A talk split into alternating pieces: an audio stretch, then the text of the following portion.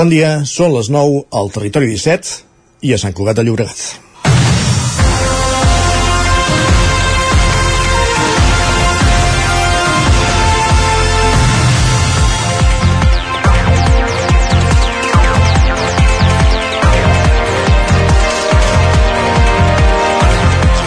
El cap de setmana s'ha saldat amb la mort de tres motoristes a les carreteres catalanes. Un d'ells era l'ultratriatleta de Manlleu Pep Sánchez, que dissabte a la tarda va topar frontalment amb un turisme a la C-37, l'eix diagonal a Sant Salvador de Guardiola, al Bages. Sánchez tenia 46 anys, era mosso d'esquadra, estava vinculat al negoci per moda corte moderno de Manlleu i havia participat en proves d'ultradistància com l'Epic 5 i diversos Ironman i Ultraman. Entre els seus reptes, per exemple, va haver-hi la vegada que va pujar i baixar 14 cops seguits en bicicleta de Bellmunt l'any 2017.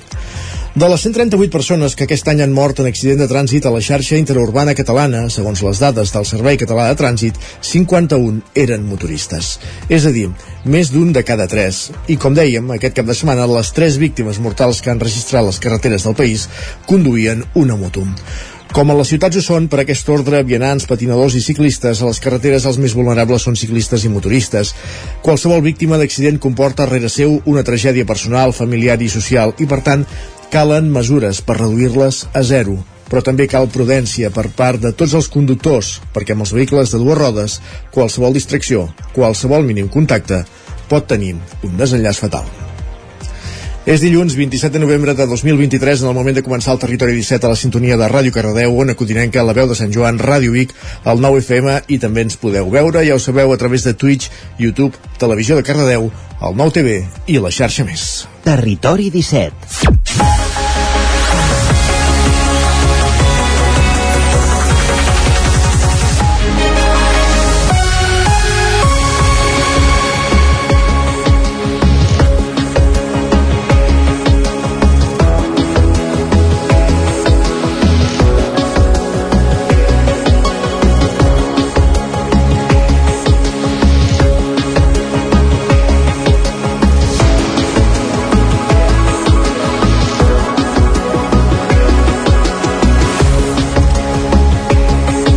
Passen dos minuts i mig de les 9 del matí d'aquest matí de dilluns 27 de novembre de 2023 en el moment de començar el Territori 17, el magazín de les comarques del Vallès Oriental, l'Osona, el Ripollès, el Moianès i el Lluçanès, que com cada matí us farà companyia durant dues hores des d'ara fins al punt de les 11. En un matí també on la línia R3 de Rodalies torna a estar d'actualitat, eh, més enllà de les incidències diàries, més enllà del tall entre la Garriga i, i Figaró per les, per, entre, volem dir, entre, les Garriga, entre la Garriga i Parets del Vallès per les obres de desdoblament de la via. Aquest matí hi ha hagut un robatori de cable eh, que afecta les estacions, que afecta el tram de via entre Vic i Puigcerdà.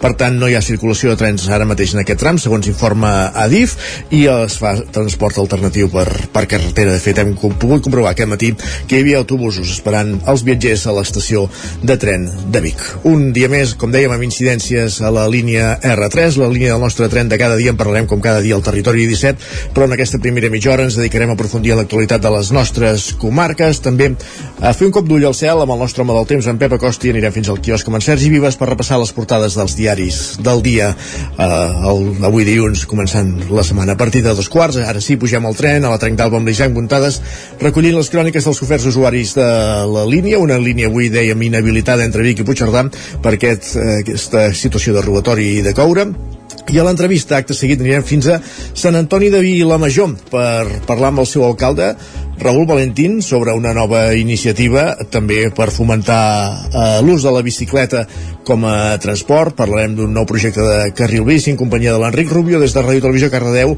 i acte seguit anirem al carrer, a l'exterior, com fem cada dia. Sortirem a l'exterior. Avui en Roger Rams es desplaça fins a la plaça Josep Humbert Ventura de Sant Feliu de Codines per visitar el Mercat Solidari que munten els alumnes d'ESO de l'escola FADAC.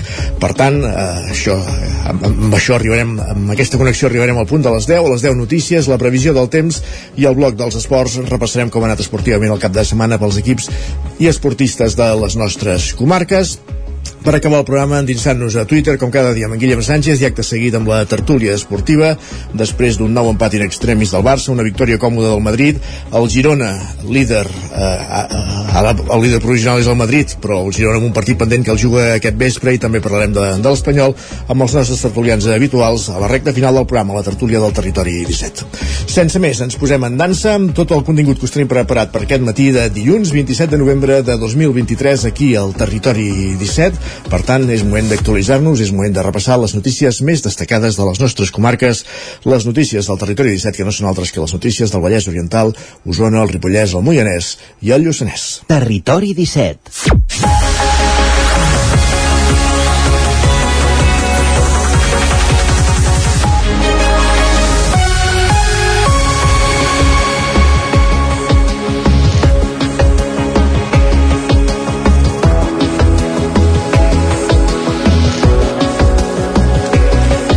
Cap de setmana tràgic a Osona. L'ultratriatleta de Manlleu, Pep Sánchez, mor després de xocar frontalment contra un turisme mentre anava en moto a la carretera C37, l'eix diagonal, a Sant Salvador de Guardiola, al Baixa, al Baja, Sergi Vives, al 9FM.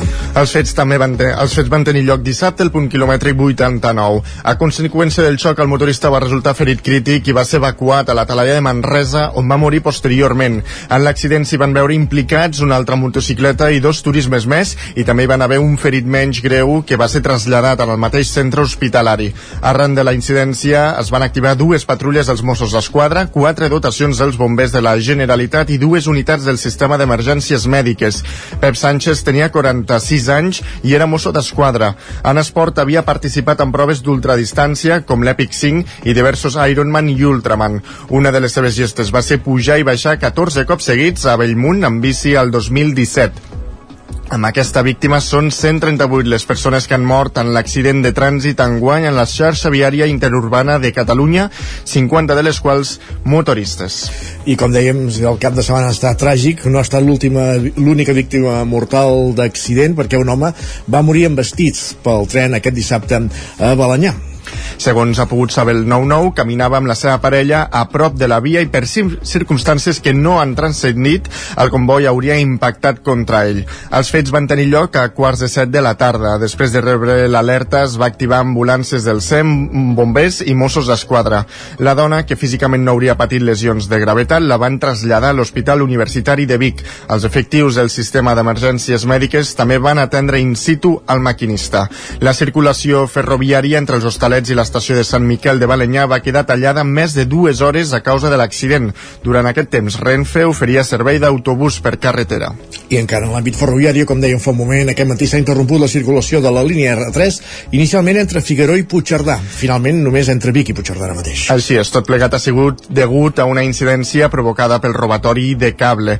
Adif ha informat que el tràfic entre Figueró i Vic s'ha reanudat i entre Vic i Puigcerdà s'ha establert un pla alternatiu de transport amb transbords per carretera. Més qüestions, canviem d'àmbit. El conseller d'Acció Climàtica, David Mascort, visita Cardedeu per anunciar des de l'estació de tractament d'aigua potable eh, del Ter la nova inversió prevista. Eh, Enric Rubio, Ràdio Televisió Cardedeu. Així és, el conseller Mascor ha anunciat que la Generalitat de Catalunya invertirà a través de l'ens d'abastament d'aigües Ter Llobregat més de 123 milions d'euros per la rehabilitació i modernització de l'estació, la qual, des de la seva construcció l'any 1966, no ha rebut cap obra de millora. El que fem és renovar i modernitzar pràcticament la meitat de la planta, a banda de fer una ampliació del, de la zona de tractament, eh, una nova estació de bombament, de bombament i també un tractament amb ozó, ozonificació de l'aigua, per garantir-ne la qualitat.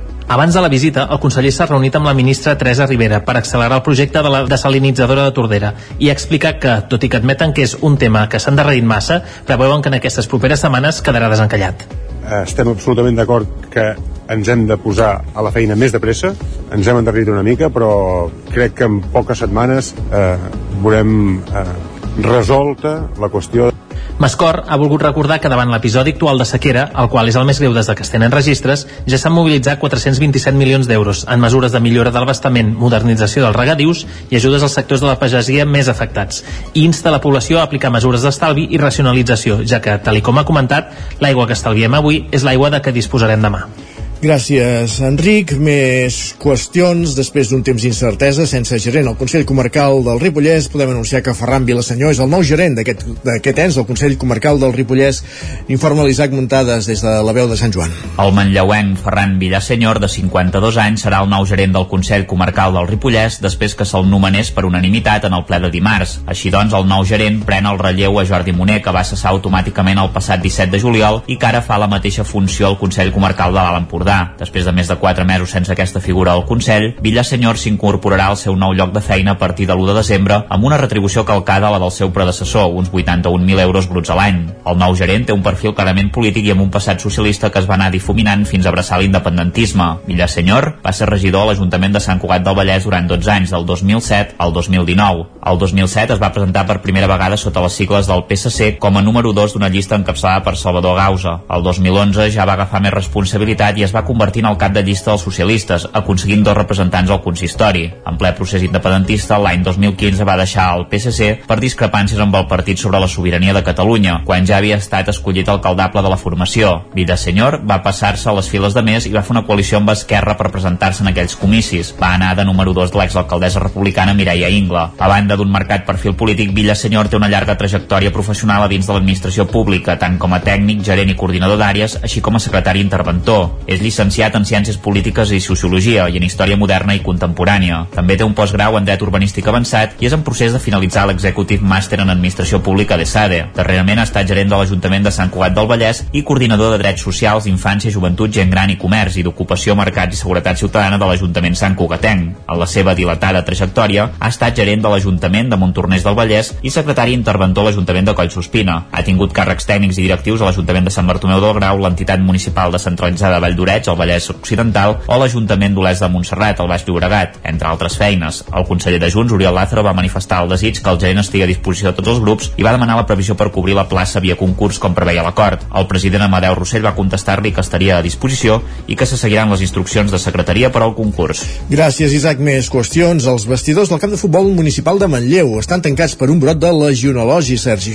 L'Ajuntament ha decidit tancar preventivament les instal·lacions després de detectar aquest bacteri a les dutxes en un control rutinari. El brot podia estar relacionat amb les obres de reforma dels vestidors. Al no circular aigua amb clor per les instal·lacions hauria proliferat el bacteri. La legionela la van detectar en concret en una canonada de la zona de dutxes fora de servei a causa dels treballs. La solució de desinfectar i passar-hi aigua calenta es va activar de seguida, però igualment s'han tancat els vestidors per evitar que hi hagi contagis. De moment no es coneix cap cas afectat. La legionela es transmet inhalant les partícules en suspensió, com per exemple amb el baf de les dutxes.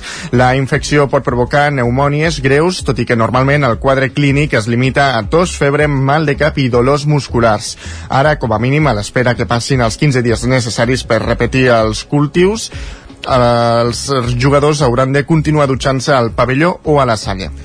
Més qüestions, anem cap al Vallès Oriental, cap a Sant Feliu de Codines, perquè eh, a Ribes se celebra ja eh, el tradicional concert de Nadal. Enguany, un dels més matiners del país, Roger Rams, zona codinenca. Exacte, Isaac, bon dia. La cita organitzada per la Coral La Poncella, que enguany celebra els seus 125 anys, ha plegat diversos cantants i músics locals a l'escenari on hi han cantat Nadales i altres temes davant de més de 200 persones. A tot plegat ha estat aquest diumenge. Aquest concert, com és habitual, és gratuït i funciona amb el sistema de taquilla inversa, recollint tots els fons recaptats per després entregar-los a tres entitats d'ajut humanitari, Càritas, Mans Unides i Aldees Infantils. Com dèiem, aquesta és una cita multitudinària sempre a Sant Feliu, així que escoltem algunes de les persones assistents. No, no és la primera vegada. Hem vingut a totes les vegades que ho han fet. És molt important per mi que sigui solidària. Precisament el concert és molt maco, té molt nivell, això també s'ha de dir, però mm, penso que el més important és que sigui solidari. Cada any que l'han fet he vingut. Per mi sí, o sigui, jo vinc perquè és solidari, entre altres coses. Per mi és un plus. I per la gent del poble, doncs penso que també. Fins ara ha estat ple sempre. Pel que fa al talent, que va desfilar per l'escenari de l'església parroquial, el debut de la coral jove La Poncella, creada aquest any, va, tot, va deixar tothom amb la boca oberta. Per la seva banda, Josep Parés va recitar un vers que es diu Per a sols de Sant Feliu i que repassa el carisma d'alguns personatges destacats de la història del poble des del Bressol. La soprano Núria Dardinyà, acompanyada de tres músics, va fer una versió diferent del cant dels ocells en homenatge al seu pare Isidre Corderes, mort també aquest any.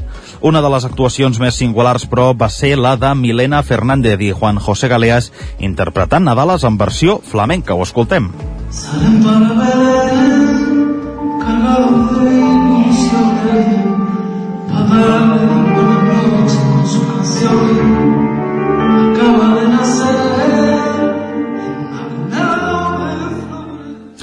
Segons ha explicat l'organització d'aquest concert benèfic de Nadal enguany, s'han recaptat més de 1.000 euros. Més qüestions, gràcies Roger. A la plana cultural encara la ninotaire Pilarín Vallès rep el Premi Nacional de Creativitat José María Ricard en un acte que va tenir lloc a la Facultat de Comunicació de la Universitat Autònoma de Barcelona. El guardó l'atorga el Gremi de Publicitat, Comunicació i Màrqueting i el jurat ha valorat la llarga trajectòria de la il·lustradora marcada per la innovació i la creativitat de manera constant en què les seves il·lustracions i els seus dibuixos han tingut un impacte en la societat civil catalana. La Pilarina es mostrava emocionada jo molt emocionada i molt agraïda perquè a vegades he fet algun petit treball que s'ha fet servir en publicitat però no sóc publicitària publicitari és fer la maquetació d'aquella manera que la gent miren allò en un segon i se n'enteren de què els hi proposen. Això ho admiro molt. I per això aquest premi m'ha fet particularment il·lusió el premi, que arriba a la dotzena edició, distingeix persones, institucions, empreses i marques que han estat capaces de fer transcendental la seva creativitat perquè han sabut posar-la al servei de l'humanisme. I acabem a la plana esportiva perquè després dels dos tornejos de futbol inclusiu dels mesos de gener i juliol, el Club de Futbol Torelló crea ara el seu propi equip, Sergi. Cada dilluns a dos quarts de set de la tarda, l'equip de futbol inclusiu de Torelló reuneix el camp de futbol per entrenar fins a dos quarts de vuit i és que des del club s'han fet una aposta decidida pel futbol inclusiu intentant que cada vegada siguin més els futbolistes que es puguin sumar a la iniciativa. En parlen dos dels impulsors, Sebastià Raurell i Miquel Gualda i fem un dia de moment, un dia d'entreno, que són els dilluns de dos quarts de set a dos quarts de vuit. És una hora, alguns d'ells no han jugat mai a futbol. Aquí estem oberts a qualsevol persona que vingui i pugui ajudar i puguin bueno, disfrutar del futbol L'equip de futbol inclusiu de Torelló ara mateix està en fase de formació després dels dos tornejos que es van celebrar els mesos de gener i juliol en què sota la premissa del 7 més 1 equips de futbol convencionals van incorporar un jugador o jugadora amb discapacitat funcional. Arran de l'èxit de l'experiència, els responsables del club van voler fer créixer la iniciativa. Som, som pioners amb això. És curiós perquè eh, quan vàrem crear el torneig és futbol 7 i nosaltres vam dir 7 més 1 i tots els equips, inclús inclús equips de nivell, 7 més 1 sí. A cada equip vostre incorporarem un nano nostre d'aquí del club perquè vegin la realitat, no? Que va ser un torneig que van ficar nanos dels nostres equips, al Torelló, perquè tothom veiés que tothom podia jugar amb tothom, que no hi ha límits de, ni, ni mancances, com ara veus també que ja han portat nens dels alevins per entrenar amb ells i que vegin que tothom pot jugar amb tothom.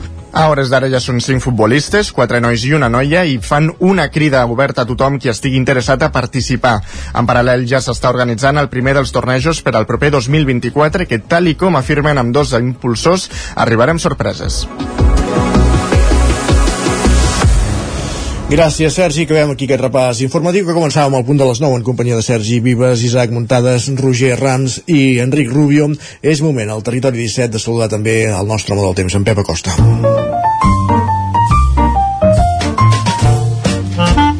Casa Terradellos us ofereix el temps. Per tant, tornem cap a una codinenca. Pep Acosta, benvinguts. Bon dia. Hola, molt bon dia. Com estàs? Per fi som dilluns, Important, ja sí. comença una nova setmana, una setmana on deixarem enrere el mes de novembre, entrarem ja al mes de desembre, eh? El mes i Nadal, Últim uh, mes de l'any. Jo sempre ho dic, per mi el desembre, gener, febrer és l'hivern de debò, l'hivern meteorològic, per tant estem a les portes d'entrar a l'hivern, el tenim ja aquí a tocar. I com hi entrem? Hi entrem, en, com entrem aquesta setmana i, i a les portes de l'hivern? Pel que fa al temps, doncs hi entrem després un cap de setmana eh, molt estable, bastant estable, eh, no hi ha no hi ha masses ingredients meteorològics a destacar. Eh, seguim amb aquest eh, anticicló que estava a la península ibèrica.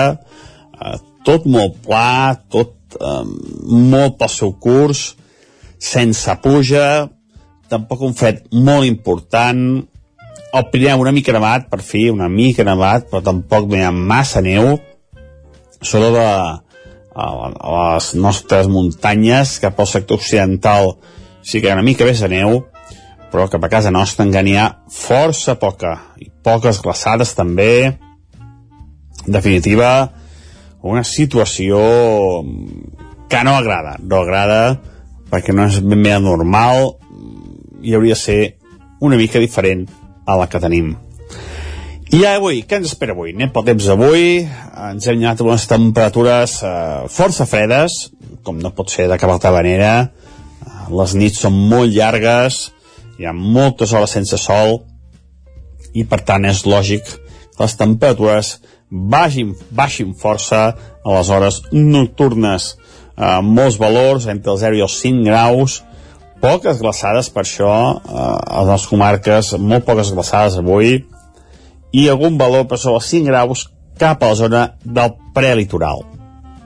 A les pròximes hores ens ha d'afectar un petit front, un front de nord, eh, molt poc important, només deixarà nuvolositat de cara a la tarda vespre, els núvols faran més presents i no es descarten, no es descarten quatre gotes a zona del Pirineu, si és que arriben a caure. Ja dic, eh, no es descarten al nostre Pirineu que caiguin quatre gotes, molt poca cosa. A haver-hi més núvols, les temperatures seran poder una mica més baixes que les d'ahir. Molts valors, la majoria de valors, en les comarques, entre els 12, 16, 17 graus a tot estirar. Lògicament per sota, a les zones més fredes, i també a les muntanyes, tant de Montseny, Transversal, Pirineu, allà farà una mica més de fred. Els vents febles, eh, tot i que a la tarda eh, entrarà mica a la tramuntana, entrarà vent de nord, cap a, a, al Pirineu, algun cop de vent moderat, no passarà de moderat. De cara als pròxims dies aniran passant fronts, sembla que a mitja setmana pot ser una mica més actiu el que passi, però bueno, tampoc no serà per tirar coets, però almenys animarà una mica la situació meteorològica. Adeu! Gràcies, Pep. Parlem d'aquí una estoneta. Tot seguit, al Territori 17 el que fem és anar ràpidament cap al quiosc. Casa Tarradellas us ha ofert aquest espai. Perquè és dilluns, perquè com cada dia volem anar al quiosc a repassar les portades dels diaris del dia i ho fem sempre en companyia de Sergi Vives.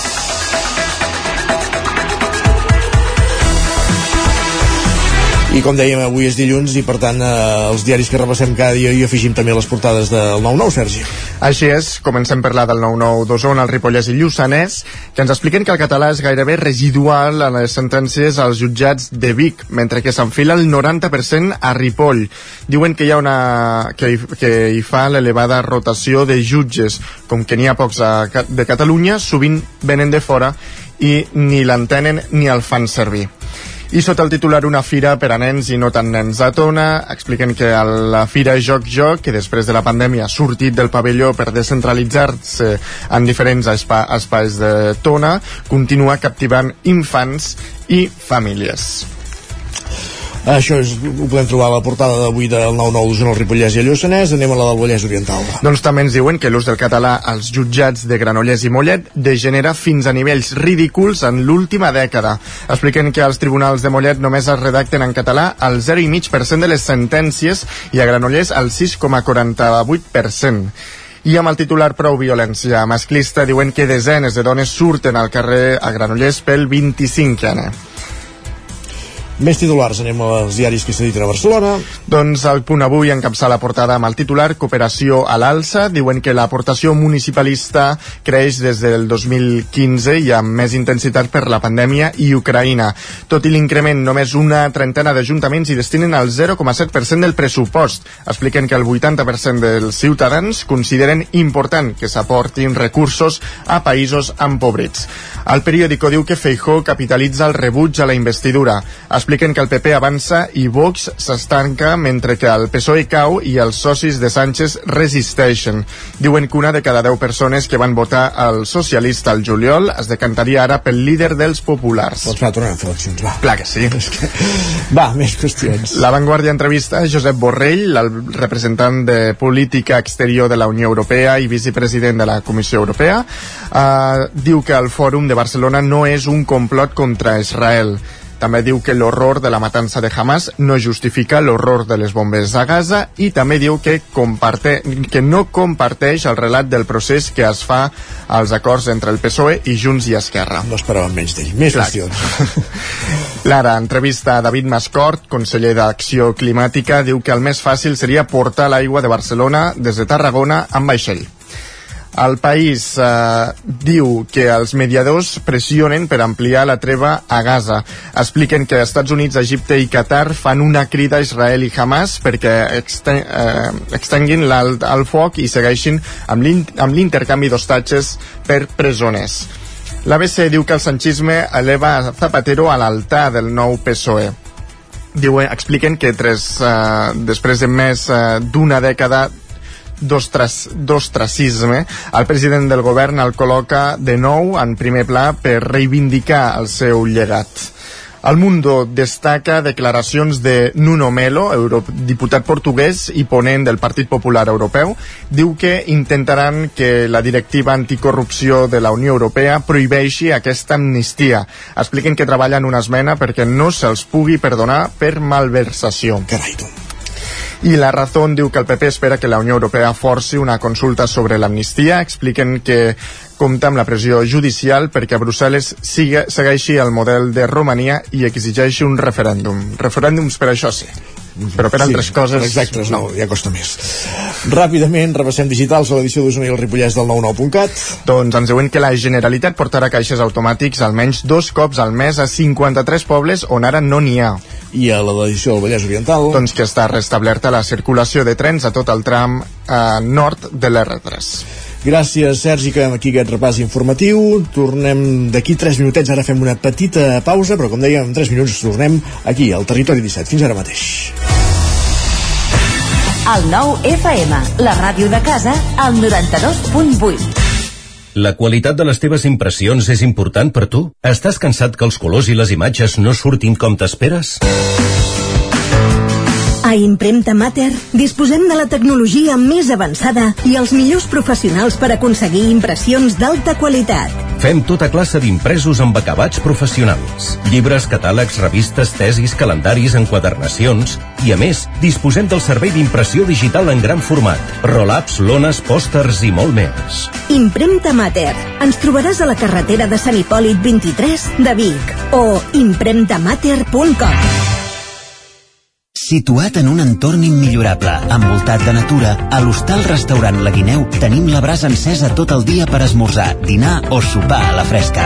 Ja tenim a punt les opcions de menús d'empresa i per les festes de Nadal, Sant Esteve o Cap d'Any. Estem especialitzats en opcions vegetarianes. Hostal La Guineu. Ens trobareu a l'urbanització Les Guilleries de Viladrau. Obrim tots els dies. Per moure't, lloga un cotxe ALR. Per moure la família, lloga un minibús ALR. Per moure coses, lloga una furgoneta ALR. Per moure la casa, lloga un camió ALR. Lloguer de cotxes, furgonetes i camions ALR. Ens trobaràs al carrer Francesc Sant Climent 83 de Vic i també a Olot i Manresa. Informa't al 93 888 60 57 o bé consulta el web alr.cat. quan tingui un problema amb la seva caldera, vagi directament a la solució. Truqui sempre al servei tècnic oficial de Saunier Duval i despreocupis, perquè som fabricants i coneixem les nostres calderes peça a peça. I ara aconseguiu fins a 300 euros en canviar la caldera. Informeu-vos al 910 77 10 50 o a saunierduval.es.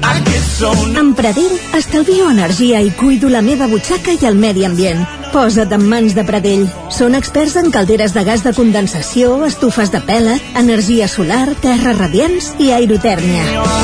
Pradell instal·la aires condicionats amb bombes de calor per a particulars i empreses. Si vols estalviar un 50% en consum, contacta amb Pradell i passa't a les energies renovables. Pradell.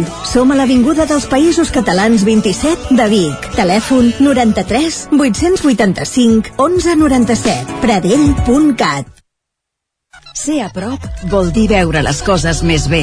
Apropa't al que t'interessa amb la xarxa Més. La teva plataforma audiovisual de qualitat, proximitat i gratuïta. Gaudeix dels continguts de més de 30 televisions locals i podcast quan, com i on tu vulguis. Entra a la xarxa més.cat i descarrega't l'app. El nou FM, el nou FM, el nou FM, el nou FM, el nou FM. Territori 17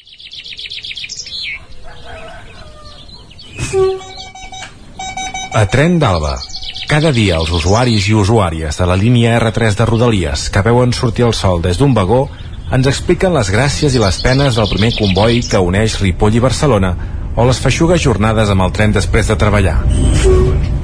Benvinguts a Tren d'Alba. Doncs nou dilluns de caos a l'R3, perquè des de l'inici del servei hi ha hagut una incidència que afecta el centre de trànsit centralitzat, el CTC, del tram Figaró-Puigcerdà, que ha obligat a interrompre la circulació en aquest trajecte. Des de llavors, tècnics de DIF estan treballant en la resolució de la incidència i s'està gestionant servei alternatiu per carretera pels trens de l'R3 que circulen per aquest tram. Quina millor manera de començar la setmana? Escoltem la crònica d'en Jordi Valls d'aquest matí. Bon dia, sóc en Jordi. Avui, curiosament, quan he posat a l'autobús he vist que faltava que no hi havia gaire gent. Dic que estrany. M'han dit, no, no, és que no ha arribat el tren. Després miro el Twitter i al cap d'una estona veig que suspesa la circulació entre Figaró i Puigcerdà per problemes al CTC, el Centre de Tràfic Centralitzat, vamos, el servei que controla els trens. Que és un servei que deu ser de Rodalies o de DIF o d'un d'aquests i ja sabem què passa amb aquests serveis. Després d'un divendres de vaga que no va ser vaga i que després es va canviar i que els trens no eren a lloc. Després un dijous que hi havia la vaga encoberta, ai,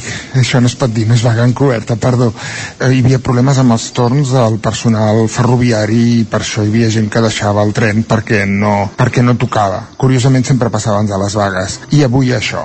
Realment jo no sé la Generalitat de Catalunya què vol agafar amb Rodalies. Jo deixaria els trens i agafaria les vies, l'operadora tampoc m'importa gaire i tiraria endavant. No sé, qui hagi d'agafar el tren almenys a les 7 del matí hi havia greus incidències o no circulava aquest tren. Molts ànims. Adéu-siau. Doncs ja ho veieu que en Jordi tampoc se sorprèn molt quan li diuen que el tren no ha passat. I això de les vagues, que siguin encobertes, perpètues, reals o inventades, sempre hi són. És un servei eternament en vaga. A veure si amb el traspàs s'espavilen una mica. Va, ens retrobem demà amb més històries del tren i de l'R3. Ah, i el traspàs, ja em si ho veiem muntades. Per cert, que com apuntàvem ara quan repassàvem portades als diaris llegint l'edició digital del 99.cat del Vallès Oriental ja s'ha Adif informa que ja s'ha solucionat aquesta incidència que obligava a tallar la línia ara en, el darrer, en les darrera estona entre Vic i Puigcerdà per tant es reanuda la circulació de trens entre aquestes dues localitats els trens de la línia R3 del nucli de Barcelona recuperen gradualment la seva freqüència de pas habitual segons diuen des de Adif en una piulada que han fet fa uns minuts. Ara mateix passen pràcticament 3 minuts de dos quarts de 10 del matí, és moment de l'entrevista. Territori 17 Per tant, anem cap a Ràdio Cardedeu.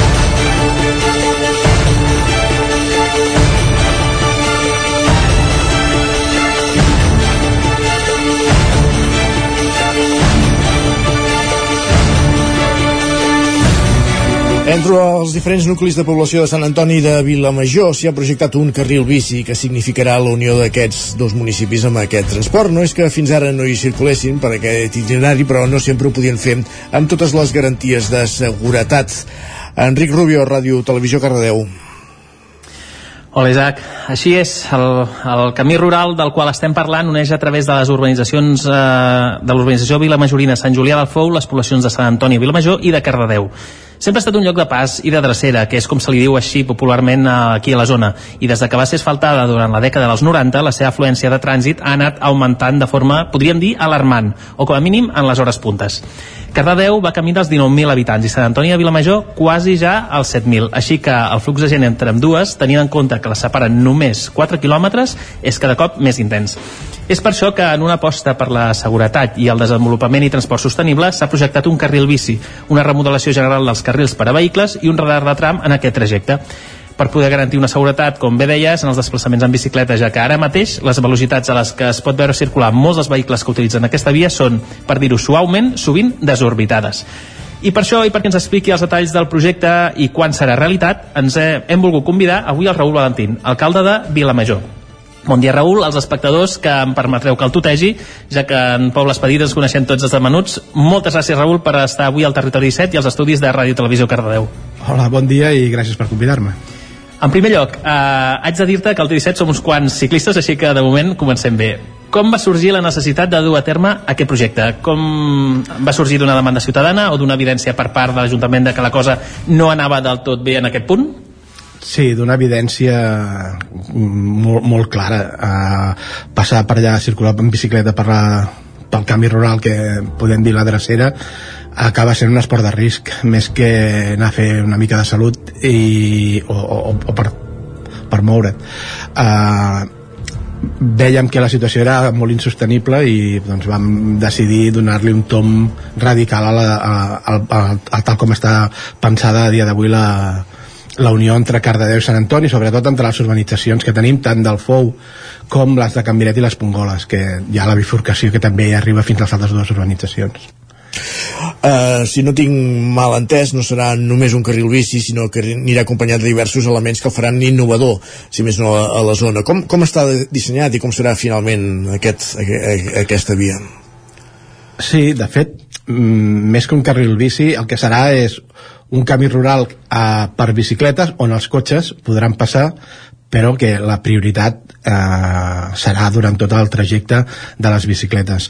De fet, eh, l'únic que no varia és la dimensió dels dos carrils que hi haurà un per cada costat, diguéssim el d'anada i el de tornada, el, i el que variarà serà la calçada del mig, que serà el tros que tenen els vehicles, eh, per on t'haurien d'anar, i de fet quan es trobessin un altre cotxe que vingués de cara doncs s'han de posar a la dreta i si hi ha un ciclista doncs mm, respectar-lo i anar darrere fins que hagi passat l'altre cotxe i llavors poder posar-se al mig i poder continuar a 40 que serà la velocitat màxima que, a la que es podrà anar amb un radar de tram que li doni seguretat als ciclistes de que no hi hauran carreres de Fórmula 1 com a dia d'avui trobem tot sovint. Es farà, o sigui, quan entris al, amb un cotxe entraràs per una bueno, per un per una entrada única, diguéssim, només passa un cotxe amb un sentit i per tant ja veus que estàs entrant a un lloc diferent i que vaja, t'ha de fer estar doncs, amatent de que el cotxe, diguéssim, és un convidat. Però Més alerta, com a sí, mínim, oi? Sí. No, és un, no serà... És el convidat. El, el que ha d'anar és la, la bicicleta. I tant. És, és la primera mesura, Raül, que, que es du terme en aquest itinerari o ja s'havien pres algunes uh, actuacions? Sí, s'havia uh, posat senyals, de, sobretot perquè més hi ha molt, hi ha molt animal, s'atropellen molt, moltes bèsties que, que és una llàstima que, que, acabem, que acabin mortes a la carretera i van posar unes senyals perquè respectessin tota la, tota la fauna que, que, que travessa i s'han fet campanyes de radar on s'han vist velocitats brutals i bé, al final hem optat per, per, per fer-ho bé entenem que per fer-ho bé perquè més molta gent ho fa servir això, no? com dèiem, de drecera, quan per això hi ha dues carreteres, tant per Llinars com per Cànoves, pots anar a Cardedeu i a l'hora de la veritat acabes trigant més o menys el mateix. L'únic és que si trigues menys per la drecera és simplement perquè no a les velocitats que toquen. Si anessis a 40 pel camí rural, que ja s'hi ha d'anar ara, encara que no estigui uh, fet el carril bici, i a la que entres a l'urbanització del Fou vas a 30, que és la velocitat d'una zona residencial, llavors ja directament deixa de ser una drecera per, per ser bastant més llarg, però mm, bé, eh, com no es respecta les velocitats doncs és una drecera, sí Uh -huh. Uh, més qüestions. Uh, teniu xifres de, dels vehicles que passen per cada dia per aquesta via? Ara parlaves d'això que es fa servir de, de drecera, però que mm, hi ha altres carreteres i pels cotxes segurament és més, és més fàcil. Uh, i, I no sé si teniu dades dels vehicles que passen i, i del tipus de, de vehicles que, que hi circulen. Sí, eh, sobretot passen eh, l'hora punta és al matí eh, que és quan més o menys coincidim tots a l'hora d'anar a treballar i passen uns 1.200 vehicles eh, la tornada a la tarda és més esglaonada perquè per tant hi ha gent que plega a les 3 com que plega a les 4, a les 5 i llavors és més esglaonat, sí que és veritat que hi ha col·legis que, però bé eh, majoritàriament acaba sent l'hora punta al matí i és evident que la gent, sobretot el trànsit és de Sant Antoni cap a Cardedeu que és evident que no van a treballar ni a les Pongoles, ni a Can Miret, ni al Fou. O sigui, si passen per allà, és evident que van a fer drecera perquè no... Me, va, sempre hi haurà alguna excepció, eh? Però mm, el trànsit bàsicament és de passada i per tant no han de passar per allà. Que de fet, amb el, a part de... O sigui, la comoditat i la seguretat que li donarà als ciclistes eh, està bé, però és que jo crec que bàsicament el que farà serà desincentivar que passin els cotxes perquè sí. Aquí, aquí volia anar una miqueta, eh? Què significa, podeu dir, eh, poder unir d'aquesta manera les dues poblacions? És a dir, la via no sé si la podríem qualificar de famosa a la zona, però sens dubte és freqüentada per molts dels que han d'unir les dues poblacions. Una bona mostra d'això en va ser el 2020 amb el temporal Glòria, quan va quedar tallada alçada del pont entre Can Ribalta i Camp Pungol, eh, les afectacions que hi van haver, no? Això pot ser que, que també in, incentivi a la gent a agafar més eh, la bicicleta, potser per poder-se desplaçar entre aquests dos punts? Tant de bo, jo el canvi, el canvi el podran fer a nivell de seguretat. Sí que és veritat que jo, per, sobretot, molts pares que coneixen les urbanitzacions no deixen que els seus fills vinguin en bicicleta al nucli perquè els hi fa por eh, que passin per la per aquest camí rural, perquè al final avui, a dia d'avui ja és un camí rural, simplement que es va asfaltar en el seu dia, com has dit abans, però que el fet d'asfaltar-lo va fer que allò fos un circuit de carreres, perquè entre que més enllà de les hores puntes hi ha poc trànsit, doncs et dona aquesta seguretat de que no trobaràs a ningú i la gent, si tu vas a 70 i la gent et pita, o sigui, és, és, és brutal. És així, és així. La...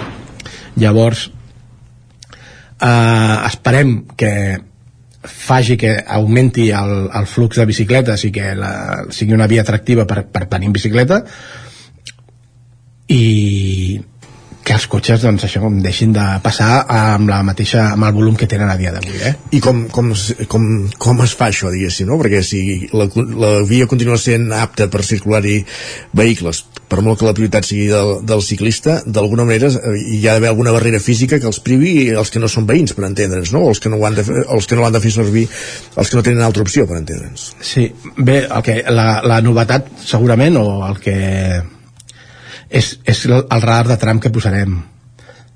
Al final eh, s'haurà d'anar a 40 sí o sí, o sigui, al final eh, amb un radar d'aquests a punt estàtic eh, ja sabem el que passa, que la gent corre, quan arriba allà frena i a la que ha passat doncs tornen a tornen a córrer, doncs amb un radar de tram a 40 a més a més. Home, igual algun moment vas a, a 50 o 60, no sé, però llavors has de compensar anant a 20. Per tant, és molt millor que vagis a 40 tota l'estona, als moments de 30 perquè hi ha algun revolt amb, amb, amb poca visibilitat i així, llavors hi ha marcats, llavors està tot marcat de vermell perquè vagin a 30 mm, crec que la limitació aquesta del radar de tram ha de fer ha de donar-li el plus de seguretat que sense, ja vam dir-ho des, del des del primer moment que sense aquest radar de tram que és el que ens està dificultant la, la construcció del, del carril bici sense el radar de tram no ho faríem perquè no, no, no jo no m'atreviria Uh, llavors, no, no sé si el projecte ja s'ha explicat, si ha estat ben rebut, entenem que pels usuaris, pels veïns de les urbanitzacions per on passa perfecte. Uh, no sé si aquestes persones que el fan servir com a drecera diàriament, doncs, uh, evidentment no, no els hi farà tanta gràcia, no? està clar, això és com tot eh? al final, quan fas coses o sigui, quan ho hem presentat a, la, a les associacions de veïns i a l'entitat urbanística de, del FOU, la veritat és que a les tres tant, a tot arreu els hi ha agradat el projecte. I quan hem parlat mm, políticament també no bueno, més enllà de que alguna crítica de que eh, si havíem pensat en el comerç local home, doncs mm, sí hem pensat en el comerç local però és que a més a més eh, no veig la, és a dir, a dia d'avui ja s'ha d'anar a 40 vull dir, no estem tocant la velocitat del camí rural per tant, eh, en tot cas si perquè vinguin a comprar l'objectiu és que puguin anar a la velocitat que vulguin home, eh, doncs, doncs no, no, no hauria de ser així no? eh, jo crec que tothom és, és com tot al final eh, evidentment no li agradarà a tothom el projecte el que a dia d'avui passa per allà 120 doncs no li agradarà, està clar però és com tot eh, doncs mm, voltes per Cànoves o per Llinars i ja està, i al final eh, jo és que mm, crec que les zones residencials són zones residencials, no són, no són carreteres. I per tant, ostres, tots hauríem de tenir clar que per què serveix un camí rural i per què serveix una carretera. I al final mm, si no ho aprenem doncs algú ens ho ha d'ensenyar i llavors esperem que, esperem que aquest radar de tram sigui un bon mestre i, i la gent s'ho agafi bé i, i al final és seguretat per tothom i tant. Uh, Raül, tenim uh, dates de l'implementació aproximat, encara que sí, sé que és complex a un consistori poder assegurar una data concreta, però per on es preveu la cosa? Mm, no, no ho tenim, però per un tema tècnic de que això del radar de tram és com molt o sigui, tot i que n'hi ha uns quants, però no, jo en diria que així a nivell local no n'hi ha gaires, allò fets des d'un ajuntament, tots són o de la Generalitat o de l'Estat, bàsicament, o de l'Ajuntament de Barcelona igual, però clar, estem parlant d'una altra divisió, i ens està costant molt, molt aconseguir un projecte licitable, i a la vegada també hem trobat amb alguna pega a nivell de trànsit i la gestió de les multes. Però vaja, per nosaltres com abans el comencem millor no... o sigui, si, si no està fet a dia d'avui perquè de fet el que és el projecte constructiu eh, ja deu fer un any i mig que el tenim és a dir, un, podríem dir que quan es desbloquegi aquest tema del radar doncs sí. eh, la implementació serà ràpida sí, sí, sí, sí. Doncs ho anirem seguint. Uh, moltes gràcies per acompanyar-nos aquest matí, Raül Valentín, alcalde de Sant Antoni de Vilamajor, per parlar d'aquesta iniciativa pionera per col·locar aquest radar de tram en un camí rural, un camí veïnal que molts conductors fan servir de, de drecera o l'utilitzen de, de, de moda que no seria el correcte amb més velocitat permesa i convertir-lo en, un, en una via més amable també per, per altres usuaris com poden ser els ciclistes o fins i tot, no sé, la distància però eh, segur que en algun cas alguns vianants i tot. Uh, moltíssimes gràcies per acompanyar-nos aquest matí al Territori 17 i que vagi molt bé Gràcies. Gràcies, Enric, també per ser un matí més aquí amb nosaltres, parlant d'aquí estoneta. Fins ara. Avancem nosaltres. No marxem gaire de comarca, no canviem de comarca, continuem al Vallès Oriental, ara però el que fem és anar tot seguit cap a Sant Feliu de Codines. Allà ens espera un matí més en Roger Rams, que avui ha sortit a l'exterior, a la plaça Josep Humbert Ventura, eh, per parlar d'una iniciativa que duen a terme els alumnes avui de l'escola Badruna. De seguida anem, per tant, cap a Sant Feliu de Codines.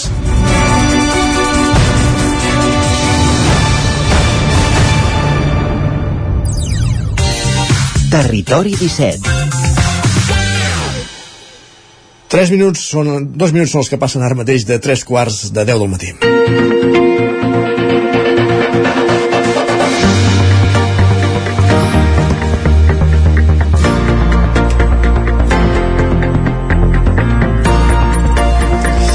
Com dèiem avui, en Roger Rams dona Codinenc que ha sortit a l'exterior, ha sortit a la plaça, eh, al centre de, de Sant Feliu de Codines, a la plaça Josep Humbert Ventura, per visitar un mercat solidari. Què té d'especial aquest mercat? Roger Rams, zona codinenca. Bon dia, què tal Isaac? Doncs sí, estem efectivament, com deies, a la plaça Josep Humbert Ventura, d'aquí de Sant Feliu de Codines, on ara mateix s'hi estan ja ultimant els preparatius d'aquest mercat solidari que han organitzat els alumnes de l'escola FADAC d'aquí de Sant Feliu, emmarcat dins les activitats eh, de la Setmana Europea de la Prevenció de Residus. Aquest acte servirà sí, sí que és llarga per... aquesta setmana, mare de Déu. Sí, exacte. De, de, fet, de fet, aquí a Sant Feliu s'ha traduït en actes repartits en, en tres setmanes, Carai, per tant... Uh, molt bé. Sí, les, sí, les sí, setmanes són... de la prevenció de residus, sí, m'agrada. Exacte, la prevenció de residus així en general i com deies, avui aquest aquest acte que servirà per, eh, per tancar, per acomiadar aquesta setmana, és aquest mercat solidari que ja s'està muntant des de fa una estona aquí a la plaça de Josep Humbert Ventura i que el que farem en aquesta connexió eh, doncs és portar, eh, com més veus millor, eh, si us sembla, conversarem ara amb la tutora, amb la Yolanda Valero, que és la, la responsable d'aquest grup que està fent aquest mercat, Uh, si sentiu xivarri de fons és normal, eh? Vull dir, ara estic uh, allò, tracta. en ple mercat, Molt uh, bé. amb, amb, amb, amb més d'una cinquantena d'alumnes al voltant meu. Senyora, molt Ah. barat, no? Tu canten això també o no? Compra'ns. Uh, per, perdó, perdó, Isaac? No, no et canten allò típic dels mercats. Uh, peix, molt barat, aprofiti l'oferta. No t'ho diuen avui encara? Sí, a, encara no, encara no, encara estan allò acabant de, acabant de, de muntar. Si et sembla, parlem amb, la, parlem amb la tutora i de seguida parlem també amb alguns d'aquests uh, protagonistes que al final són els, són els infants. Mira, la tenim eh, ja aquí. Hola, bon dia, Yolanda, què tal? Hola, bon dia, què tal? Uh, Explica'ns una mica, què és el que s'està muntant aquí en aquesta plaça? Vale, diverses coses. Mira, tot comença amb, amb el lema de l'escola, que aquest any era viu naturalment. Aleshores era una mica estrany, el de viu naturalment, i vam pensar, va, doncs hem de ser solidaris. I llavors tot encaixa, perquè a primer de l'ESO sempre fem una campanya, eh, és la campanya que organitza la Mutua General de Catalunya, un origami, un euro, per recaudar fons per la Marató de TV3. Llavors vam pensar en, en fer eh, un mercat solidari de roba de segona mà i que els diners que traguéssim anessin per la marató de TV3. És a dir, que aquest any canviem, canviem de campanya. Hem passat d'una a l'altra. Però la iniciativa és idea d'ells, totalment idea d'ells. Vull dir, eh, són, són un grup super, super dinàmic, amb moltes ganes, molt actius, i bueno, doncs estem aquí, amb, amb tot aquest sarau liat. Ara conversarem amb ells i amb elles perquè tenim ja algun voluntari aquí a la vora del micròfon. Abans, però, Yolanda, explica'm una mica d'on s'ha tret aquesta roba, si els infants n'han aportat seva, com, com s'ha fet. Vale, tota aquesta roba surt de FedEx Sant Feliu i de les famílies de FedEx Sant Feliu. Res, hem, hem enviat diversos correus electrònics al llarg del mes, eh, fem crida no, de, de roba de segona mà, però que estigués en bon estat per poder-la revendre, i les famílies han respost increïblement bé, i tenim robes de totes les edats, des de bebè fins a roba d'adult. Ja veus les taules, vull dir, les, ampla, les omplirem totes i esperem que avui doncs, vagi molt bé la venda i traiguem molts calarons per la marató. Fa goig això perquè aquí veig eh, això a, primer tiro 6 o 7 paradetes sí, sí. Uh, Déu-n'hi-do, no? Sí, sí, déu nhi Ja et dic, aquí hem fet eh, per anys, no? Bebè, eh, 4, 5, 6, 7, 8, 9, mm, pràcticament per cursos. I sí que és veritat que potser de bebè n'hi ha menys, però de 16, 14 d'adolescent n'hi ha moltíssim. I, I faríeu creus de, de la roba tan bona que hi ha i fins i tot hi ha roba eh, nova de trinca amb l'etiqueta posada o sigui, que el de reciclar la roba és, és una bona iniciativa Ara comentaves que, que ha estat una iniciativa dels alumnes, però com ha estat organitzat tot plegat? Perquè imagino que no és senzill, eh? Bueno, i sempre queden coses per organitzar, eh? perquè, clar, nosaltres com a tutores, bueno, l'Alba Serrat i jo, que som les tutores de, de, de primer, doncs hem organitzat els nanos, la recollida de robes, l'organització de les talles, eh, el nostre cap d'estudis, que és fantàstic, ens ha organitzat tot el que és eh, logística a través de l'Ajuntament, i ara quedaria una miqueta a l'escola, no? que també han de, han de venir a comprar i que les xarxes hagin funcionat i que la gent se n'hagi assabentat, els cartells que hem penjat pel poble, tot el que ha penjat FEDAC, Sant Feliu, i que, i que la gent vingui. Per tant, eh, espereu que vinguin també els alumnes, eh? Sí, sí, sí, sobretot els de l'ESO, els adolescents, els petits, suposo que vindran al migdia o a la tarda amb els pares. Un nano petit no, no es compra roba ell sol, no? Però els adolescents de, de secundària ja, ja són autosuficients, de fet no volen anar a comprar amb els pares, es compren ells la roba i els, i els tutors els portaran, els portaran en un moment, en algun moment del dia, en alguna classe que, que puguin, vindran, vindran a fer una ullada. Perfecte, doncs gràcies, Yolanda. Si et sembla, m'endinso cap al mercat i, i converso amb alguns d'ells, a veure què ens expliquen. Va. Gràcies, bon dia. Isaac, va, som-hi, ara sí, eh? Va, que sigui lleu, tot plegat. Uh, ens, endinsem, ens endinsem en aquest mercat. Hola, bon dia. Què tal? Tu tenies moltes ganes de, de xerrar, com et dius? Joan, Bona, Joan, aviam, uh, quina és la teva parada? On t'estàs situat? a la parada de... Quina és? Ah, de la... mm, És aquesta? No, Porta-m'hi, porta-m'hi, va, et segueixo. Som-hi, va. Anem a veure aquesta parada. I m'expliques una mica què, què és el que hi teniu. Aviam. Quina és? estic a dos. Estàs a dues parades, tu, per tant, avui tens força feina. Explica'ns una mica què és el que hi veneu. Eh, a la meva parada hi venem roba de nens de, eh, de 10 i 11 anys. Sí, sí, perfecte. Eh, una mica quines són les peces de roba que més teniu, aviam. Sudaderes, jaquetes, pantalons, samarretes i algun tipus de calçat també. Genial. Mira, tinc més voluntaris. Bon dia, què tal? Bé, hola, Com et dius? Carles. Molt bé, Carles, explica'm una mica com ha estat l'experiència de, de muntar aquest mercat. Molt guai, però és que jo no sé plegar roba. Home, potser avui és un bon dia per aprendre'n. Ara, ara. Sí, sí. Aviam, quina és la teva parada? La meva parada eh, està... Aviam, aquesta. Molt bé, igual que la del Joan. També veig que teniu aquí una llumineta eh, solidària. Explica'ns una mica què és el que, què és el que feu, que ara esteu recaptant diners per la Marató TV3. Sí, fe- estem fent la llumineta perquè els anirem a dir a gent que ens comprin la llumineta i tots els diners que recaptem seran per la marató. I la, el premi que tocarà seran dos jaquetes que és una Adidas i l'altra és aquesta. Home, déu nhi per tant, eh, premi gros, eh, per qui li toqui. Sí. Molt bé, molt bé, doncs gràcies, nois. Me'n vaig a veure més parades, va. Bueno, veiem, Isaac. Eh, Digues. Aviam què més tenim per aquí. Aviam, què més trobes? Hola, bon dia, noies. Què tal? Com esteu? Com us dieu? Berta... Ah, no. I Anna. Molt bé, Berta i Anna, explica'ns una mica, explica'ns una mica què és el que esteu eh, preparant en aquesta parada, que veig que teniu ja diversos jerseis, pantalons... Explica'm una mica què és el que veneu avui aquí. Eh, sudaderes, camisetes, pantalons... Nosaltres venem de 7-8 anys. I, 7-8 anys, eh? I estem fent de 2, de 2 euros, de 5 euros i de 10. Perfecte. I aquesta parada eh, eh, la teniu bastant plena de, de roba. Eh, espereu vendre-ho tot o què? Sí. Explica'm una mica com ha estat l'organització d'aquesta parada. Bueno, és que he estat fent una altra cosa. Ah, quina cosa has estat fent? Jo he estat fent els cartells dels preus. Home, això també és important, no? Sí. Has tingut molta feina? Sí, bastanta. Uh, quins preus més o menys trobem en aquest mercat? 2 euros, 5 euros i 10 euros. Per tant, tot és amb aquests tres preus, eh? Sí. Perfecte, moltes gràcies. De res. Aviam, De, per la, de, la Ja- teva, veus, de la teva talla has de trobat, de la teva talla has trobat res o no, Roger?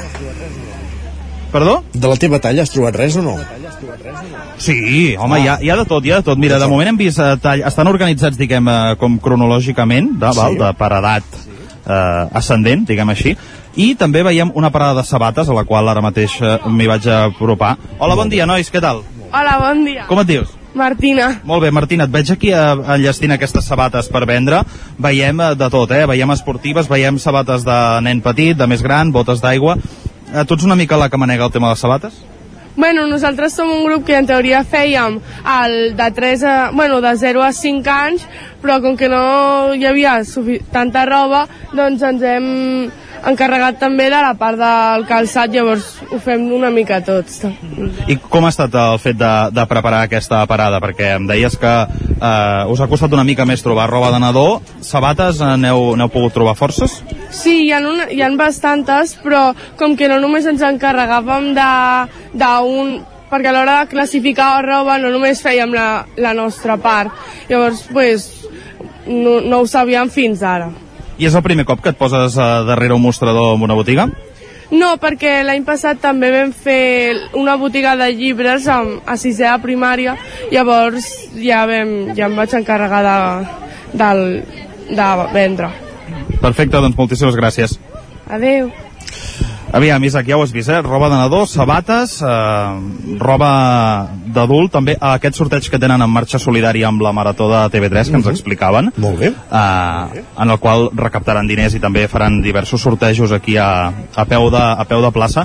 Anem a agafar algun eh, darrer testimoni. Mira, hola, bon dia, senyora, què tal? Muy bien. Que ha vingut a comprar al mercat vostè? Es que lo he visto, he venido aquí a... y lo he visto. Home, es veu, eh? Perquè hi ha, hi ha molts nens aquí. Eh, farà, una, farà un tom per aquí pel mercat, aviam si troba alguna cosa? Sí, sí, porque me agrada. Molta...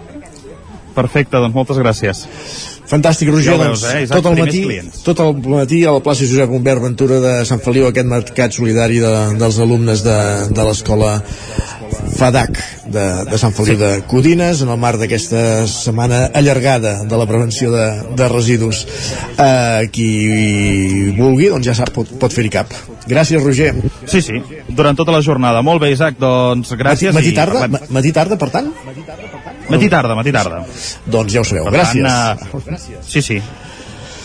perfecte, bon dia Roger Fins ara. Gràcies, bon dia, fins ara, Isaac. I nosaltres que arribem al punt de les 10 com ens agrada amb música, perquè el, lleidatà, el músic lleidatà, lleidatà el petit de Cal Aril ha reeditat per primera vegada en vinil un dels seus discos clàssics, un disc de l'any 2009 i les sargantanes al sol, que conté cançons com aquesta, i habitual del seu repertori, Mandolina Estrelari. El petit de Cal Aril, fins a les 10, al territori 17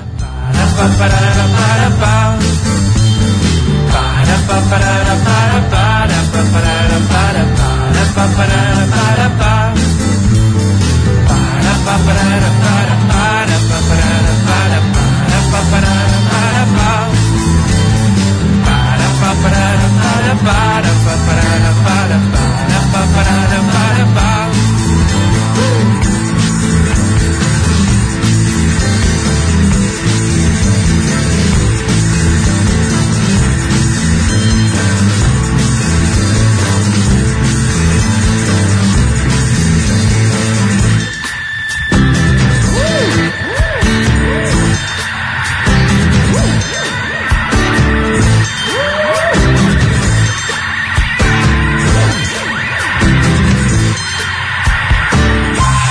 I és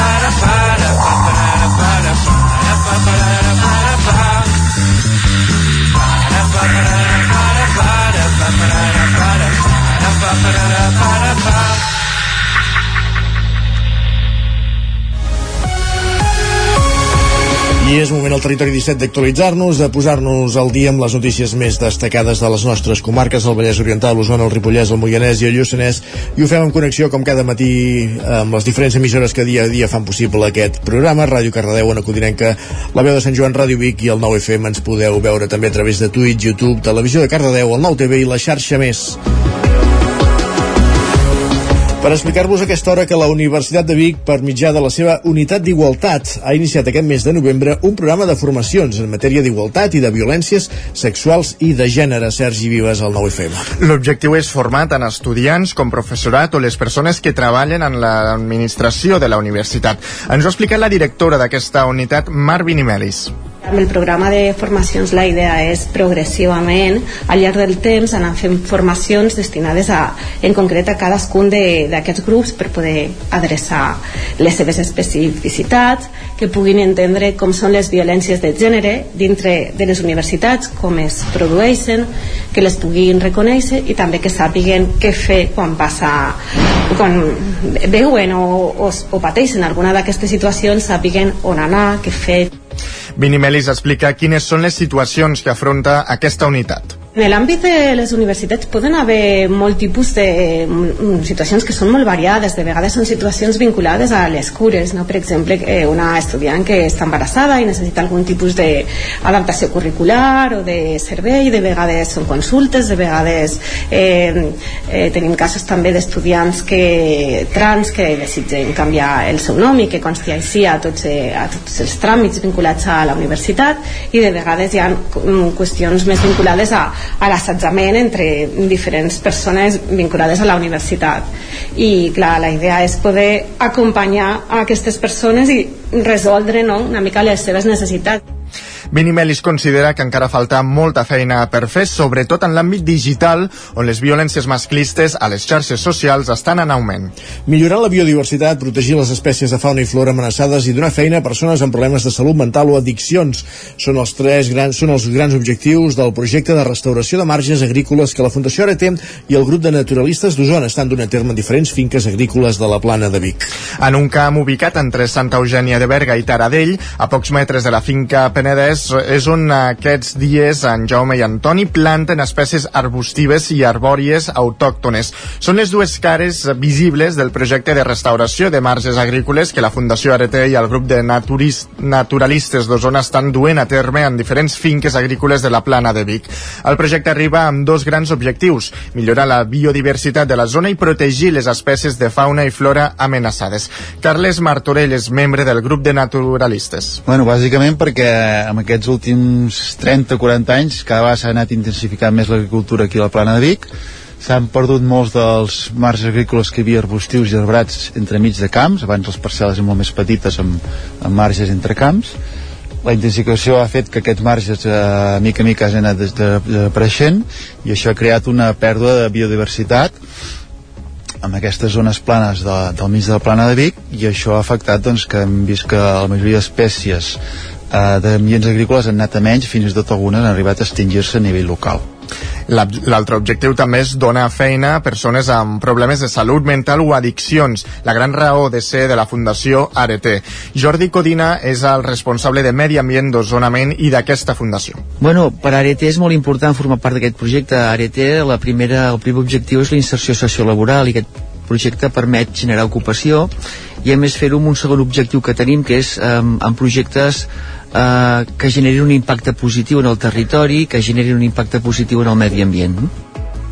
Les dues entitats tenen previst actuar en una superfície de 3.200 metres quadrats de marges agrícoles. En total es plantaran al voltant de 2.400 arbres i arbustos. Els resultats, però, no es començaran a veure fins d'aquí a 3 o 4 anys. Fins llavors, a les zones on s'actuï s'hi aniran fent tasques de conservació. El projecte compta amb una ajuda de 10.800 euros de la Fundació La Caixa a través de CaixaBank. Més qüestions en el marc de la, del Dia Internacional de la Discapacitat, que és el 3 de desembre Cardedeu ha organitzat la Setmana Inclusiva, uns dies en els quals es donen a terme activitats de sensibilització per promoure els drets de les persones amb capacitats diverses. Enric Rubio, Ràdio Televisió Cardedeu. Així és, Isaac, la vuitena edició de la Passejada Inclusiva organitzada per ISOM ha estat una d'aquestes activitats i la seva presidenta, Núria Noguera, ens ho ha explicat. Però amb molta il·lusió creiem que és com un petit tast, no? una petita utopia, del que ens agradaria que fos la societat, una societat doncs, sense prejudicis, amb, amb diversitat, no? La passejada ha començat a dos quarts de deu del matí. Totes les persones que han volgut participar-hi s'han hagut d'inscriure presencialment a la pista d'educació viària del pavelló, la qual ha estat el punt de sortida de l'activitat. El recorregut ha sigut en direcció al camp d'aviació i ha tingut una distància de 5 quilòmetres. Anirem a fer el camp d'aviació, pel mig hi haurà un parell d'aturades perquè hi ha en Ricard Ginjaume que és historiador i ens explicarà una mica doncs, eh, ens posarà en context no, del, del que va viure Cardedeu amb el tema del camp d'aviació un parell de búnkers que hi han un cop els participants han tornat al punt de sortida, s'ha fet un esmorzar conjunt i s'ha pogut gaudir d'un espectacle a càrrec de la companyia granollerina Lian la Troca. Gràcies, Enric. Més qüestions encara al Vallès Oriental. El ple de Caldes de Montbui aprova el projecte de l'Institut Escola Calderí Pic del Vent i concedeix la medalla d'honor al fotògraf Ramon Masats. Roger Ram, zona Codinenca. Entre els punts més rellevants que s'han votat en el ple d'aquest mes de novembre s'hi troba l'aprovació del projecte de l'Institut Escola Calderí Pic del Vent que es va tirar endavant per unanimitat. Després d'anys de processos participatius i diversos esborranys, el projecte entra ara en la fase d'exposició pública que s'allargarà 30 dies hàbils i en els propers mesos es durà a terme la licitació d'obres i la modificació del pressupost. Segons apuntava l'alcalde de Caldes, Isidre Pineda, els treballs podrien començar l'estiu del 2024, coincidint amb les vacances escolars volem ser prudents.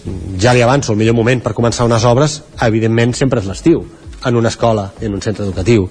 Cal superar molts, eh, molts dir obstacles, molts tràmits encara, com els deia, l'aprovació de la venda, eh, per part del Consell de Govern, per part del ple municipal, l'inici de licitació, la licitació, per tant, tindrem un punt de prudència, però l'any que ve, això sí, hauria de manifestar així, hauria de ser l'any de l'inici de les obres de l'Institut Escola Calderípic del Vent, si no hi ha cap impediment i amb tota la prudència un altre dels punts destacats que es va portar al ple va ser la concessió de la Medalla d'Honor de la Vila al fotògraf, fotoperiodista i guanyador del Premi Nacional de Fotografia l'any 2004, Ramon Masats i Tartera, a proposta del PSC, que rebrà la segona medalla en la història del municipi. La primera, recordem, va ser per Raül Romeva.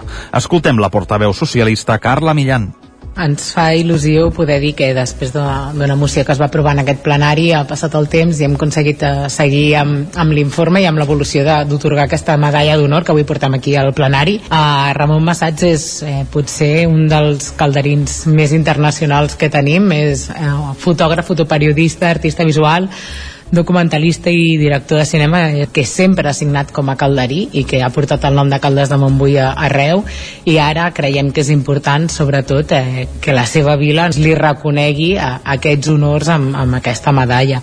En la vessant econòmica, un dels punts més rellevants que es van aprovar en aquest ple va ser l'augment del 0,5% de la retribució per tot el personal de l'Ajuntament, inclòs els càrrecs electes.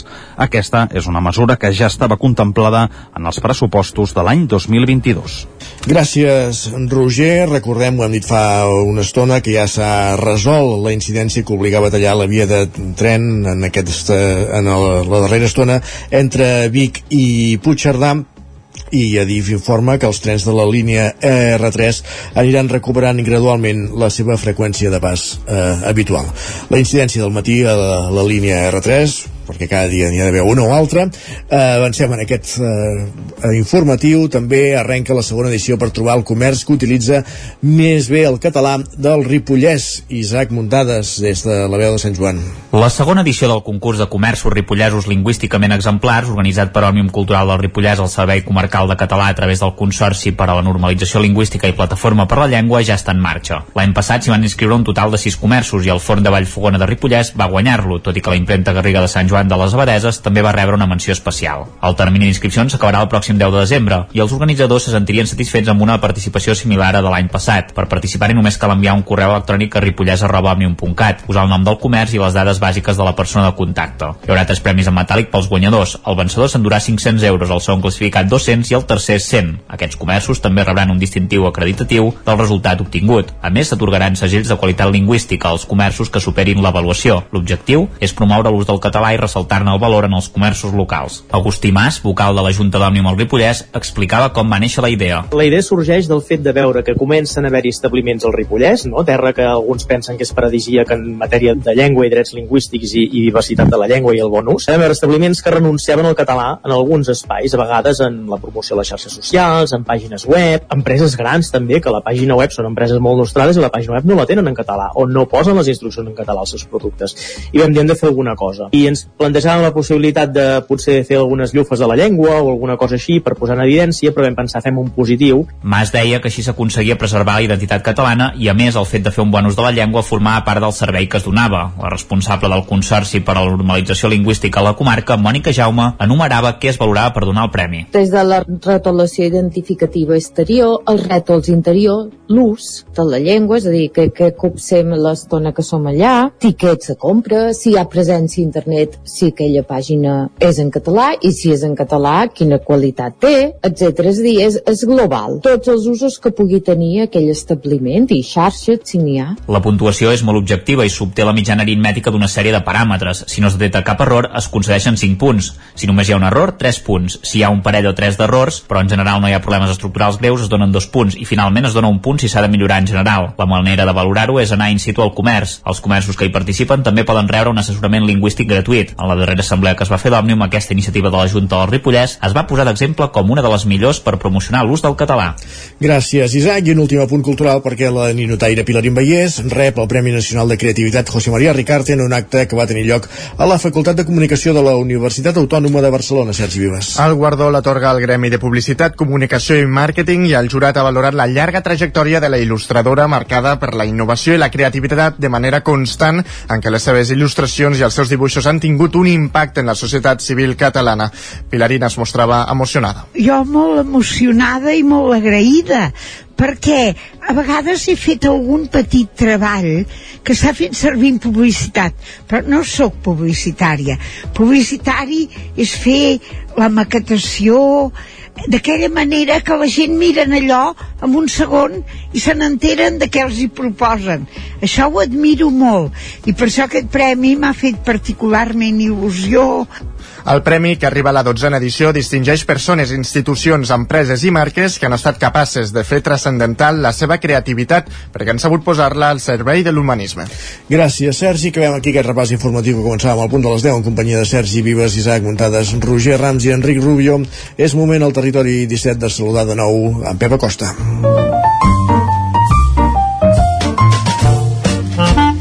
Casa Terradellos us ofereix el temps. Per tant, és moment pel temps. Anem fins a, tornem fins a Ona Codinenca. Pep Acosta, benvingut de nou, bon dia. Hola, molt bon dia. I avui, què ens espera avui? Què ens pel temps espera, va? Anem per feina. Ens hem anat unes temperatures eh, força fredes, com no pot ser de cap altra manera.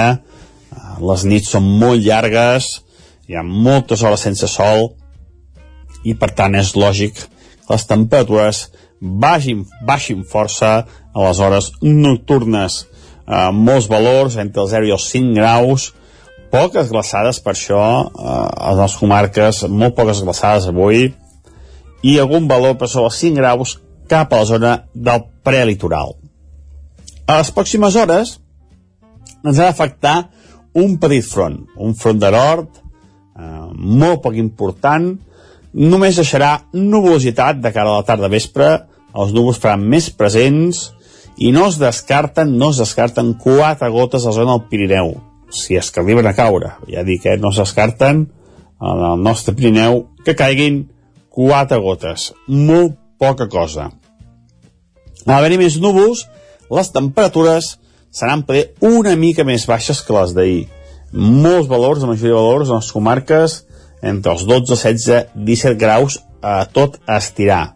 Lògicament per sota, a les zones més fredes i també a les muntanyes, tant al Montseny, Transversal, Pirineu, allà farà una mica més de fred.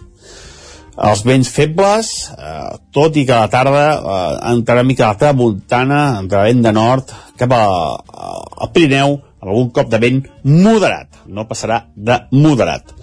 De cara als pròxims dies aniran passant fronts, sembla que a mitja setmana pot ser una mica més actiu el que passi, però bueno, tampoc no serà per tirar coets, però almenys animarà una mica la situació meteorològica.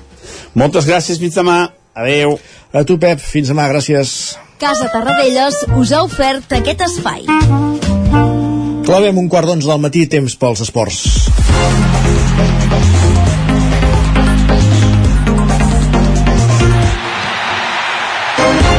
Doncs exacte moment al territori 17 de parlar d'esports, de repassar com ha estat el cap, com ha anat el cap de setmana esportivament parlant pels equips esportistes de les nostres comarques.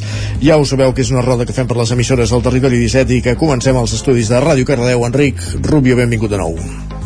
Què tal, Isaac? Avui, eh, que tornem a tenir per aquí, he decidit portar-te bones notícies. Així Què et sembla m'agrada. aquesta rebuda? Aquesta és l'actitud. Eh que sí? Molt bé. I és que tenim un dilluns amb quatre victòries, un empat i només, sí, sí, subratllo, una derrota. I no ha set el Cardeu. Com et quedes? Fantàstic, molt bé, molt content. Veus? Doncs com jo. Va, insuperable, comencem. insuperable això ara mateix. Exacte, i ho fem amb el futbol de Cardedeu, on el primer equip ha empatat a casa contra el Roses per 2 a 2, mentre que el filial, l'equip filial, ha guanyat contra el Club Atlètic Vallès a casa d'aquests per 2 a 3. El Granollers, però, en aquesta jornada és qui ens ha portat la derrota i és que ha perdut el camp de Lleida A, això sí, per la mínima, i és que el resultat final ha estat de 1 a 0. I quedant-nos a la mateixa població, però canviant l'esport al bàsquet, el Granollers ha guanyat a casa contra el Goiquit Roser, 65 a 53, no està gens malament. I ara cap a l'handbol, on el Freiking Granollers ha jugat i guanyat contra el Recoletes Valladolid per 35 a 27 i ara sí, arriba un cop més la victòria de les de l'handbol Cardedeu que segueixen segones a la classificació Aquesta no falla mai. però aquesta no falla mai, no. I a més, a la victòria aquesta jornada fa que es quedin a només dos punts de liderat. Així que hem d'estar contents i es fa que sí, m'atreviria a dir que ha estat potser la millor jornada de la que portem de temporada, com a mínim, per Ràdio Televisió Cardedeu. Molt bé. Més qüestions. Ho deixem aquí? Ho deixem aquí, ho tenim, sí, acabem el mas de l'handbol, que sempre ens fan cada bé, ja ho saps. Perfecte. Eh, aquesta cluenda. Doncs va, aviam si continuem igual de bé. Roger Rams, zona Codinenca, bon dia de nou. Bon dia, què tal? Ja, Home, ja has tornat a l'estudi, eh? Això ha estat una visita sí. fugaç al mercat. T'has firat o no? Sant Feliu. T'has firat o no? Eh, encara no, encara no, Ah, però dir que m'he- ja, ja, ja, ja he clitxat l'ull a diversos articles. Oh, però vigila, Va. perquè eh, segur que algú ha tregut darrere teu i també ho ha fet. Però vaja, en fi. Va, va, pleguem ja, que així me'n puc anar cap al, cap al mercat després d'aquest empatx de victòries cardedeuenques. Fem un repàs aquí a l'entorn de Sant Feliu. Comencem, com sempre, pel futbol. A la primera divisió catalana, el Caldes ha sumat una nova victòria per 3 a 1 a domicili davant el Banyoles. Amb aquesta nova victòria, els calderins són ara mateix un dels equips més en forma de la primera catalana i són quarts a la classificació amb 19 punts, a només 5 del líder, que és l'Argentona. Més futbol a la segona catalana, al grup 4, el Sant Feliu ha sumat una nova derrota, una segona golejada d'aquelles que fan mal. En aquest cas ha estat per 1 a 6 davant el Vic. Els codinencs no abandonen, doncs, la mala dinàmica amb la qual han començat aquesta temporada a la segona catalana, ja que només han estat capaços de guanyar dos dels 12 partits que han disputat en Lliga. L'equip, després de la derrota i de 5 jornades seguides ja sense guanyar, se situa últim a la classificació amb 8 punts. I per tant que el capítol futbolístic a la tercera catalana el Mollà va empatar 3 en la seva visita al camp del Folgueroles. Els moianesos són dotzens a la taula amb 13 punts. Passem ara a l'hoquei patins perquè l'hoquei Lliga masculina el Caldes va guanyar dissabte el seu compromís a la pista del Girona. Els calderins van ser clarament superiors i es van imposar per un gol a dos. Amb aquesta victòria el Caldes és novè de la competició estatal amb 10 punts. A l'hoquei Lliga Plata Nord, el Sant Feliu també va guanyar el seu partit, ho va fer per 4 a 2 davant el Manlleu. Els codinencs es col·loquen així sisens amb 9 punts. I tanquem com sempre amb l'hoquei patins femení pel que fa al primer equip d'alcaldes en la onzena jornada de la Lliga Nacional Catalana va guanyar còmodament per 6 a 2 al Cerdanyola, mentre que les noies del Vigues i Riells van empatar a 3 a domicili amb el Manlleu. Gràcies, Roger. I continuem aquest recorregut a la, a la veu de Sant Joan per repassar els resultats dels equips del Ripollès i Isaac Muntades. Pots anar marcat, eh, Roger? Pots anar marcat. Adéu. Sí, me'n vaig, me'n vaig. Vinga, va, som-hi, Adiós. som-hi. Adéu. Fins demà. Uh, Isaac, Bon dia. Som-hi. Bon dia, Isaac. Doncs sí, sí, aviam si ens porta alguna cosa en Roger de, del mercat per nosaltres. Uh, una setmana més, comencem parlant de, de futbol, el grup 3 de la tercera catalana, la Badesenc continua la líder de la Lliga, tot i que aquest cap de setmana va punxar a casa després d'empatar un contra el Sant Privat d'en Bas en un partit igualat, en què Sergi Cabanes va avançar als locals en aprofitar un refús a la segona part, però només dos minuts després Dembala va aprofitar una pilota morta per empatar. Els Sant Joanins tenen 27 punts i un avantatge de 5 punts amb el, amb el segon classificat. Per la seva banda, el Camprodon va perdonar i va acabar empatant a 3 gols contra el Sarrià de Ter a casa i ara setè amb 17 punts. Joel va fer el primer, Castanya va empatar la segona part. Semblava que el Camprodon eh, guanyaria el partit perquè Mercè i Rado amb un golaç per l'escaire van posar el 3 a 1, però els últims 20 minuts, eh, primer Maradiaga, després de marxar del porter i després també Alejo, també sol davant del porter, van, van aconseguir empatar. El Candano per la seva banda continua la seva marxa triomfal i ja ha empatat a 17 punts amb el Camprodon després d'aconseguir el quart triomf consecutiu 4-1 davant el Sant Pons, el cué de la categoria, que tot i així va avançar amb un gol de Muñoz, en aprofitar un mal refús. Serrador va, va empatar, la segona part Bové també doncs, en una bona jugada va, fer, va capgirar el marcador i Serrador i Garrido van acabar de completar la golejada, aquest segon amb un go golaç per, per l'escaire. I per acabar, com que no tenim futbol sala, que es va suspendre el partit del Ripoll, avui acabem amb, amb hoquei, eh, que va vèncer l'hoquei Club Ripoll per 3 a 2 en un partit igualat contra el Sant Just, en una primera part en què els ripollesos van ser superiors, només van marxar, això sí, guanyant per 2 a 1 al descans, a la segona part van, van aconseguir fer el tercer gol, tot i que el Sant Just va empatar, ai, va fer el 3-2 poc després i va posar la por al cos als locals, que, que van saber mantenir el resultat. Hem de dir que els gols els van fer Arnau per partida doble i, i Guillem d'un Ripoll, que ara mateix és cinquè amb 19 punts i es manté enganxat a la zona noble de la classificació. Gràcies, Isaac. Parlem d'aquí una estona. Fins ara. Fins ara. I avancem, continuem ara, repassem esportivament el que ha donat de si la jornada a la comarca d'Osona, amb la Laia Mira el Peix, del 9-9. Laia, benvinguda, bon dia. Bon dia. Doncs I comencem parlant de futbol, eh? Pel futbol i, i pel Tona, perquè portava dues derrotes consecutives i aquest cap de setmana va tornar a guanyar, ho va fer de forma contundent al camp del Mollerussa, va guanyar per 0 a 3, un gol en propi porter dels locals. Als 10 minuts va permetre doncs, la, encarregar la golejada del Tona, el capità Nil Federic va fer el, do- el 0-2 al minut 22 en un partit molt còmode i ja el tercer d'Escarrevilla el temps de descompte doncs va ser la cireta d'un pastís per un Tona que, que torna a somriure, que va escalar en posicions i que ja torna a ser tercer uh, res a 4 punts del, del líder. I, i També, doncs, alerta, eh, amb aquesta classificació de la tercera federació, Olot, Hospitalet i Tona. Eh, Ara I Tona, mateix. sí, sí. És espectacular, això. Sí, sí, sí, és una classificació molt, molt igualada a la, a la part alta i això una derrota, una, una victòria doncs, de, de seguida et poses a dalt o, o baixes posicions, també és cert això. Molt bé. Uh, més qüestions, més equips. Sí, parlem també de la tercera res de futbol femení en aquest cas, perquè el Vic Riu primer eh, va començar molt malament la temporada, amb Sí. quatre derrotes, però ara doncs, eh, està doncs, sumant de 3 en 3, ja porta 6 jornades consecutives que aconsegueix guanyar, a més, a més de dos empats, per tant doncs, són ja 8 jornades en el que el Vic primer segueix invicta. Aquest dissabte al vespre va guanyar la EM de Lleida, ho va fer per 0 a 1, és cert que els resultats doncs, eh, arriben per victòries per la mínima, però la qüestió és sumar de, de 3 en 3. Va marcar Núria Sala, la, la capitana, però la veritat és que el Vic primer va dominar de, de principi a fi i també cal destacar que ja porta 4 jornades eh, mantenint la, la porteria a 0 fet doncs, que també doncs, eh, és molt important pel, pel conjunt que entrena Cristian Donaire, que també a poc a poc va escalant posicions. Molt bé. Uh, uh, primera federació, el Vic, no, perdó, què dic? Elit, categoria elit. La primera federació és el Manlleu, però abans hi ha el, el Vic a la categoria elit. El Vic doncs, que va aconseguir un punt en el descompte, va marcar el Tigre, va marcar Ale Gaitan en un partit que es va enfrontar amb el Rubí, un Rubí que es va avançar en el marcador, també les acaballes del, del partit. De fet, va ser un partit marcat per arbitratge arbitral, que no va agradar ni uns ni altres, però com dèiem, el Rubí que es va avançar amb un gol de, del moianès Eloi Moral al minut 82 i ja en el, en el temps de descompte, en aquelles jugades que puja fins i tot a rematar el, el porter, el davanter Ale Gaitan va aconseguir un, un empat que permet doncs, eh, també mantenir la, la bona dinàmica de, del Vic en els últims partits. I ara sí, primera catalana, parlem de novembre negre pel Manlleu, eh?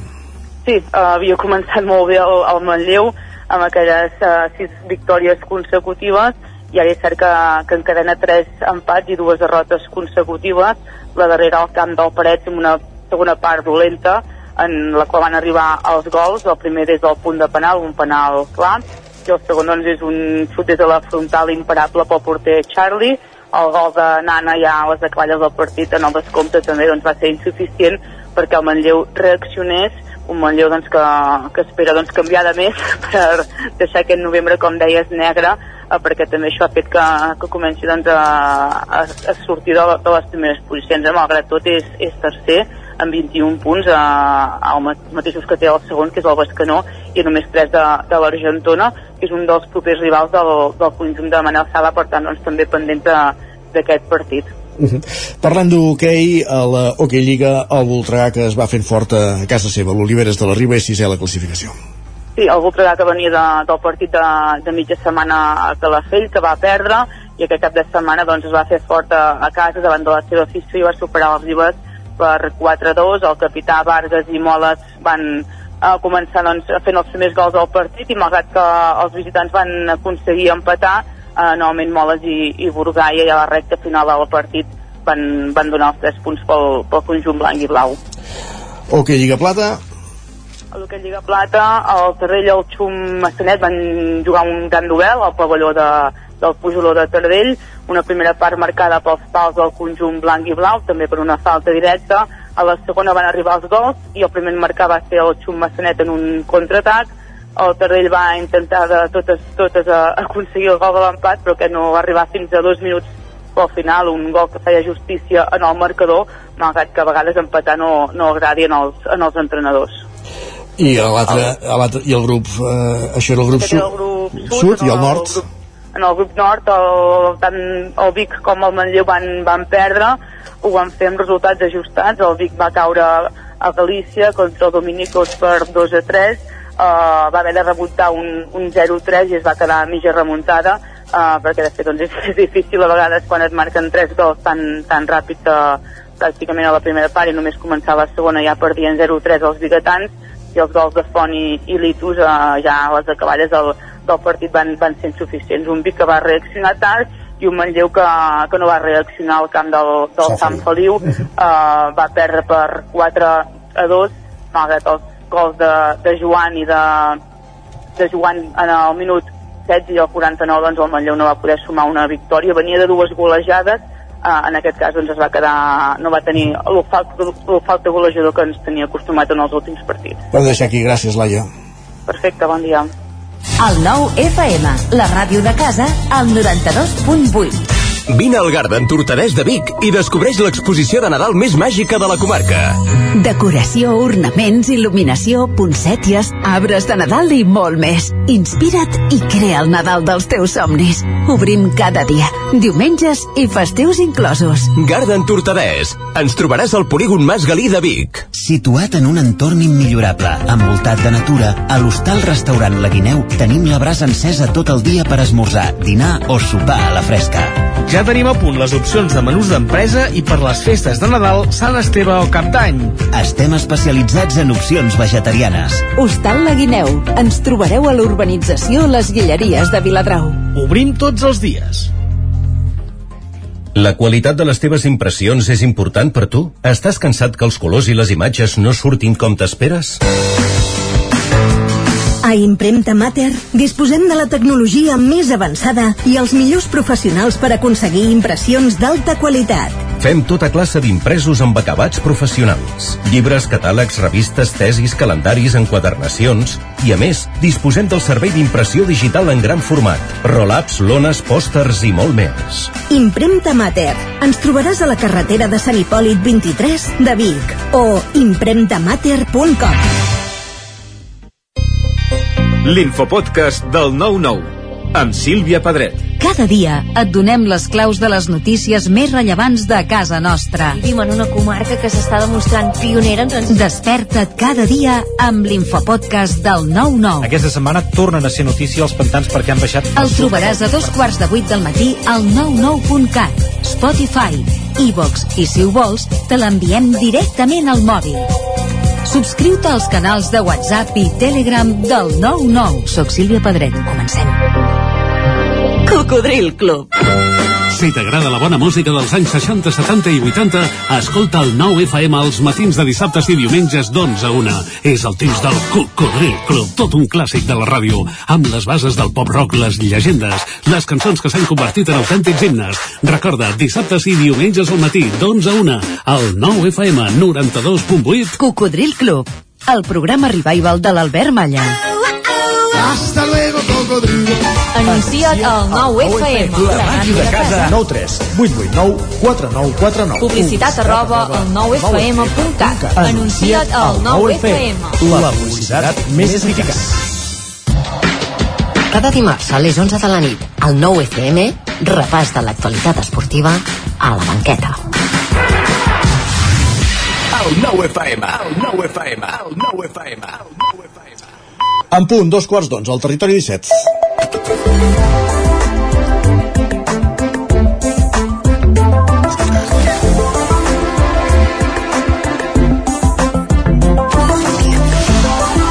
I amb aquesta sintonia, com cada dia, donem la benvinguda a en Guillem Sánchez. Benvingut, bon dia. Què tal, com estem? Bé, i tu?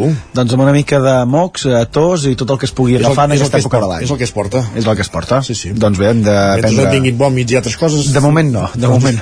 Ja t'avisaré, si no, Isaac. També pot ser. Va, jo t'he de fer una pregunta, Isaac. Pregunta. T'has firat ja aquests dies de Black Fridays i Cyber Mondays i Blues no sé què i has, has comprat alguna cosa? Ara estic rumiant, he comprat alguna cosa, alguna coseta. Sí. No sé si la Neus, després del missatge que ens ha... eh? Si ja t'ho dic, eh? Doncs ja et dic, no sé si la Neus, després del missatge que ens ha escrit, ho ha aprofitat o no. Ja. Ens diu, he entrat al compte bancari per fer pressupostos pels regals de Nadal. I família, amics i amigues, aquest any us regalaré una forta abraçada a tots. Molt bé. És molt important també, eh? També són amor i exacte. abraçades. Sí, Va, sí. entrem al terreny que ens agrada, que és el del menjar. Bona reflexió la que ens arriba avui per xarxes. També Aviam. diu, hem decidit que avui no sortim de casa i estic fent llenties. No entenc per què no està plovent com si l'apocalipsi estigués picant a la porta. Home, es poden fer llenties també un dia que no plogui o no necessàriament Exacte, sí, ha de sí. ploure el dia que estàs fent llenties. No, ni molt menys. Tot i que és una associació, un binomi que ja et dic jo que podria, podria casar. Va, i en Pep ens vol enviar un missatge d'alerta. Què diu en Pep? Ens diu, vull informar a l'OMS que he comès un error de menjar un dònut amb praliner del forn Boldú a les 10.47 del matí i no només no he dinat, sinó que són les 8 del vespre i encara estic tip. Diu, segons els meus càlculs, tornaré a tenir gana quan la mínia mal faci la selectivitat. S'ha de vigilar amb els esmorzars, eh? Perquè llavors eh, ho vas arrossegant durant tot el dia. També és cert. I més si vas de, de dolç. O amb els dinars, sí, sí. amb tot el que vingui. Va, això que ens explica Anton no sé si podria ser digne d'aparèixer a la selectivitat, també. Ens Aviam. diu, un alumne havia d'explicar el significat de ser de l'any de la Quica. Ha respost ser de l'any de la Picó. el nen, volies caldo? Doncs dues tasses. Aquesta, aquesta és l'actitud, m'agrada aquest. Ens encanta. Aquest és el futur. Ens encanta. Va, I la Marta ens enceta la secció de coses que potser no s'ha atrevit a dir mai ningú. Diu, els fans de Manel són pesats, sí, però és que els haters ho són tant o més que els fanàtics. També és cert. I això ho podíem replicar amb tants, i, amb tants i tants altres grups. Correcte. Va, i vinculat amb la música, què en penses d'això que ens escriu en Guillem? Diu, Què escriu en Guillem? Això de voler escoltar una cançó en concret i que la puguis buscar al mòbil, al mig del carrer, clicar-ne el nom i que es comenci a reproduir al moment als teus auriculars és definitivament la mort del taralarejar. Bé, però no és tan senzill, eh? Segur que has d'estar subscrit alguna cosa, eh? Per poder fer. En la majoria dels casos. Però si no, directament plataformes d'emmagatzematge de contingut audiovisual, la També que és- tots és coneixem també, també és i, i ja està, no? També tens raó. Va, i ara que escoltem música per tot arreu, no sé també si la gent llegeix per tot arreu o no. No sé si tu tens la imatge de gent pel, pel carrer, Oh, i tant, ah, amb llibres, llegint, però el no, no veus públic. cada dia els, els accidents que hi ha de gent que va llegint el llibre i no mira el carrer i, xoca molt de davant però És veritat. però és una constant És veritat. cada, cada dia quan vinc per aquí al carrer de la Ramada però és que 5, 5, 5 o 10 de, de, de xocs, eh, com a mínim Doncs això, si, si suma el que ens diu la Marta, que diu, he anat al gimnàs i mentre estava en una màquina de cardio estava llegint un llibre. M'he convertit en el tipus de persona que sempre he odiat, diu, però necessitava acabar-me un llibre urgent. Demano perdó, em dissolc i entrego la Totebac. Home, tampoc n'hi ha per Eh, tant, no, no. cal, no n'hi ha per tant, al contrari En Jordi li respon, diu, jo un cop vaig voler fer un glob d'aigua mentre corria per la cinta en plena hora punta i em vaig fotre tal nata que no vaig tornar-hi. M'estic escarmentar. M'ho estic imaginant, eh? Això és el bo. Sí. Va, i què li respondries a la Neus? Que ens diu, tinc la temptació de tornar a mirar la sèrie que més m'ha fet riure de tota la història, The Office. Diu, és greu? No. No, home, no. Si tens el temps i tens les, les ganes... i també no? pots tornar a llegir aquest llibre que, que, que t'havies deixat de llegir. Va, i acabarem la secció amb dos missatges amb una mica de misteri. Primer, el de l'Eric, que ens diu Ahir va arribar a casa als meus pares una carta que em volen embargar 300 euros per una multa sense fotografia de l'Ajuntament de Lleida del maig del 2018. Diu, és molt bonic Lleida i no hi tinc res en compte, però a mi no, no se m'ha perdut res. Diu, fa 12 anys que no la trepitjo. Com s'entén? Ah, doncs mira, mai se sap a vegades. Mai se sap, potser et volen- Les, les càmeres i, que no llegeixen bé les matrícules. Potser et volen timar. Va, i acabarem amb aquest missatge d'en Jaume que ens diu la propietària xinesa del bar on esmorzo. Diu, hay alguien en el lavabo, hay una cabeza en el suelo. Els clients ens mirem, un parell de noies alarmades. Els vells alcohòlics ni s'immuten. Solució? Era un barret. Vaja. Per tant, que ningú truqui al 112, que ningú s'alarmi i que tothom segueixi esmorzant al final que estava fent en aquella hora al bar. Perfectíssim, gràcies Guillem. Va, que vagi molt bé, Isaac. Fins la propera, bon dia. I, i nosaltres que el que fem tot seguit és anar cap a la tertúlia esportiva per parlar una mica de com ha anat el cap de setmana futbolísticament parlant després de la represa de la competició de la Lliga eh, que ja recordem que havia estat un cap de setmana aturada pels compromisos de seleccions.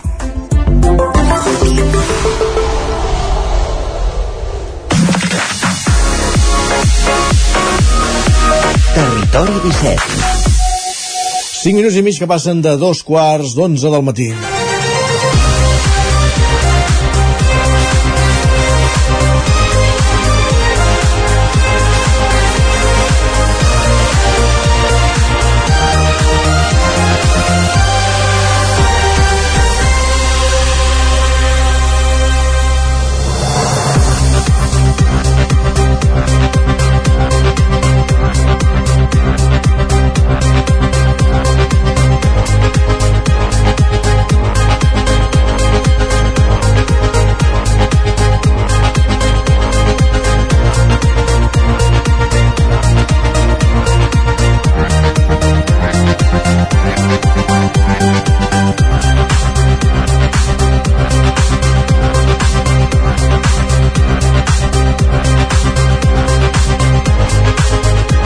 Doncs temps de tertúlia esportiva al territori 17, avui en companyia de Lluís de Planell, l'Isaac Muntades i la Laia Mirapeix.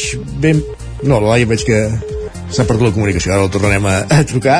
Uh, avui, Lluís, estàs content, eh? Està, sou dos pericos a, a la tertúlia i un del Madrid, eh? Una cosa estranyíssima. Sí, eh? I, I més que no hi hagi culers. També és cert. Bueno, és que clar, Lluís, que vols que vinguin a fer els culers avui? Sí, és clar. Uh, en fi, podem parlar, si et sembla, La Isaac, potestat dels àrbitres i o, coses o, o, o, del, o del virus FIFA, que en teoria us havia d'afectar tant al Madrid i vau sortir ahir ben, ben galdosos al camp, eh?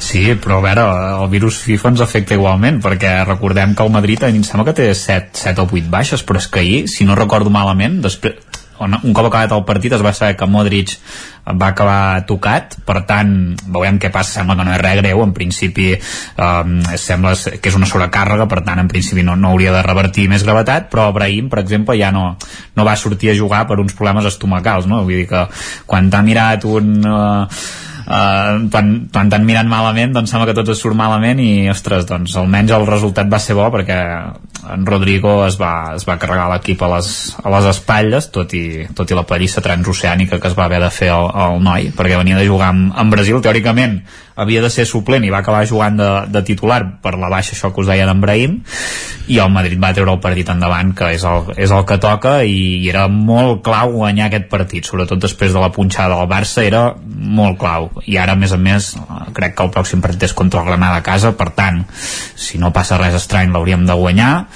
I a partir d'aquí doncs a veure què, què fa el Barça que en les pròximes jornades eh, rep el Girona i rep l'Atlètic de Madrid que em sembla que el, aquest partit no, però és el següent, diria, no? No, no recordo exactament. El primer Atlètic de Madrid, sí. Primer Atlètic de Madrid, doncs, clar. Perquè el Girona, el Girona té Atlètic de Bilbao i València a casa, Ah, exacte. i llavors juga al camp del Barça. Bueno, el camp del Barça no, que no té camp al Barça. Sí, té camp, ara mateix és Montjuïc el seu camp, però vaja. No, no seu. Uh, és de l'Ajuntament. Ara, ara sí, o és, de, o és de la ciutat. Uh, ara sí que incorporem també la Laia Milalpeix. Benvinguda, Laia, bon dia. Bon dia.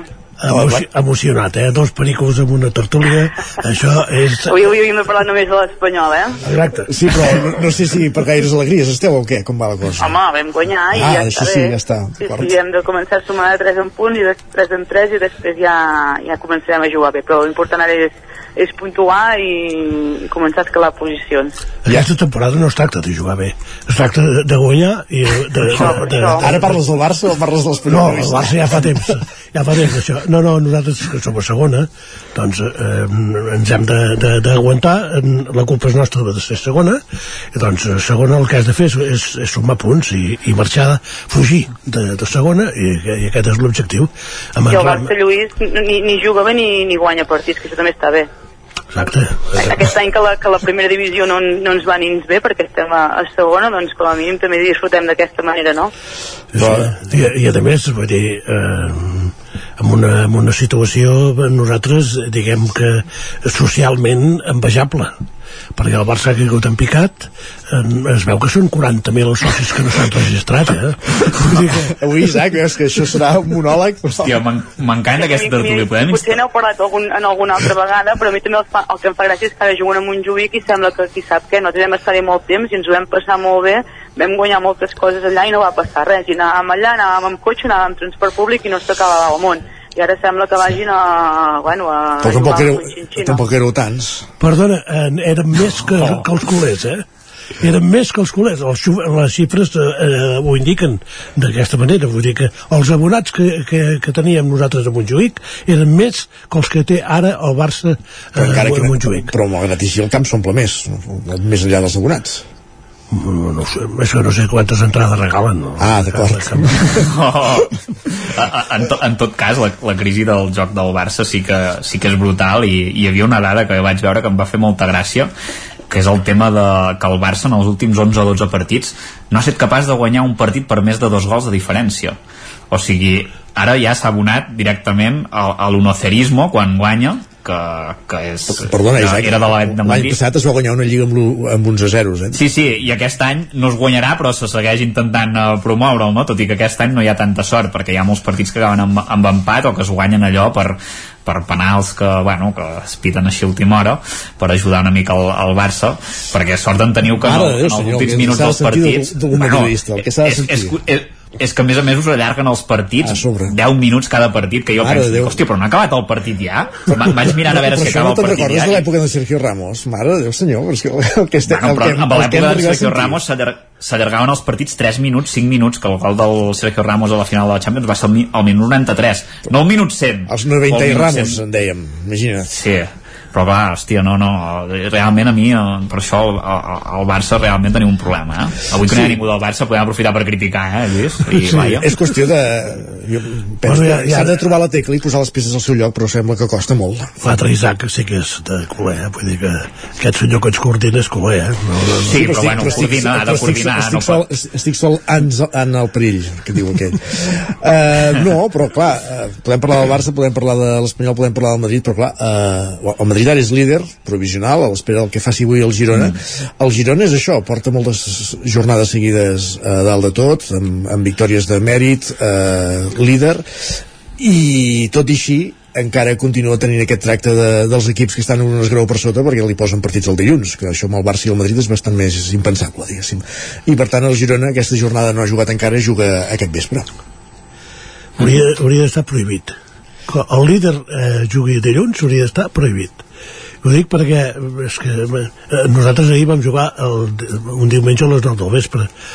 Eh, la pitjor entrada de la temporada, evidentment perquè és, perquè és, és, és infumable vull dir que el, el, encara el dissabte doncs s'entén una mica però el diumenge a les 9 del vespre no hauria de jugar ningú i el dilluns és que per mi no hi hauria d'haver futbol.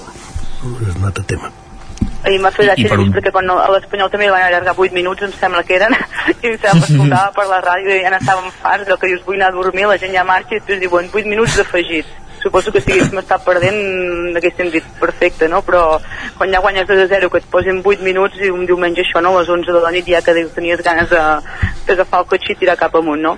No, no, i els que érem al camp en veiem que els jugadors de l'un i l'altre equip el que tenien era ganes de fotre al camp però no, hi... és normal, eh, que els jugadors... I, i, I éreu tots dos al, al camp? Jo no, jo no. Tant, tant... Jo no. Tu no, eh, Laia? Tu, Lluís, sí, eh? Tu has dit que sí. Soc soci i no hi ha anat cap partit. Amb això em, em sap molt bé, em fa molt horari, però l'any passat vaig acabar molt, si em permeteu l'expressió, cabrejada, i entre aquest any que, que no m'ha coincidit que no hi podia anar i els dies que hi podia anar i no, no he acabat d'enganxar-m'hi. De, Mm -hmm. Mm -hmm. Està... No, perquè anava a dir, no només una cosa, anava a dir l'horari, més a més, pel fred, perquè ara ja comença a fer fred, vull dir que també és un horari dolent eh, fins i tot per això. Sí, a Barcelona, doncs, és diferent.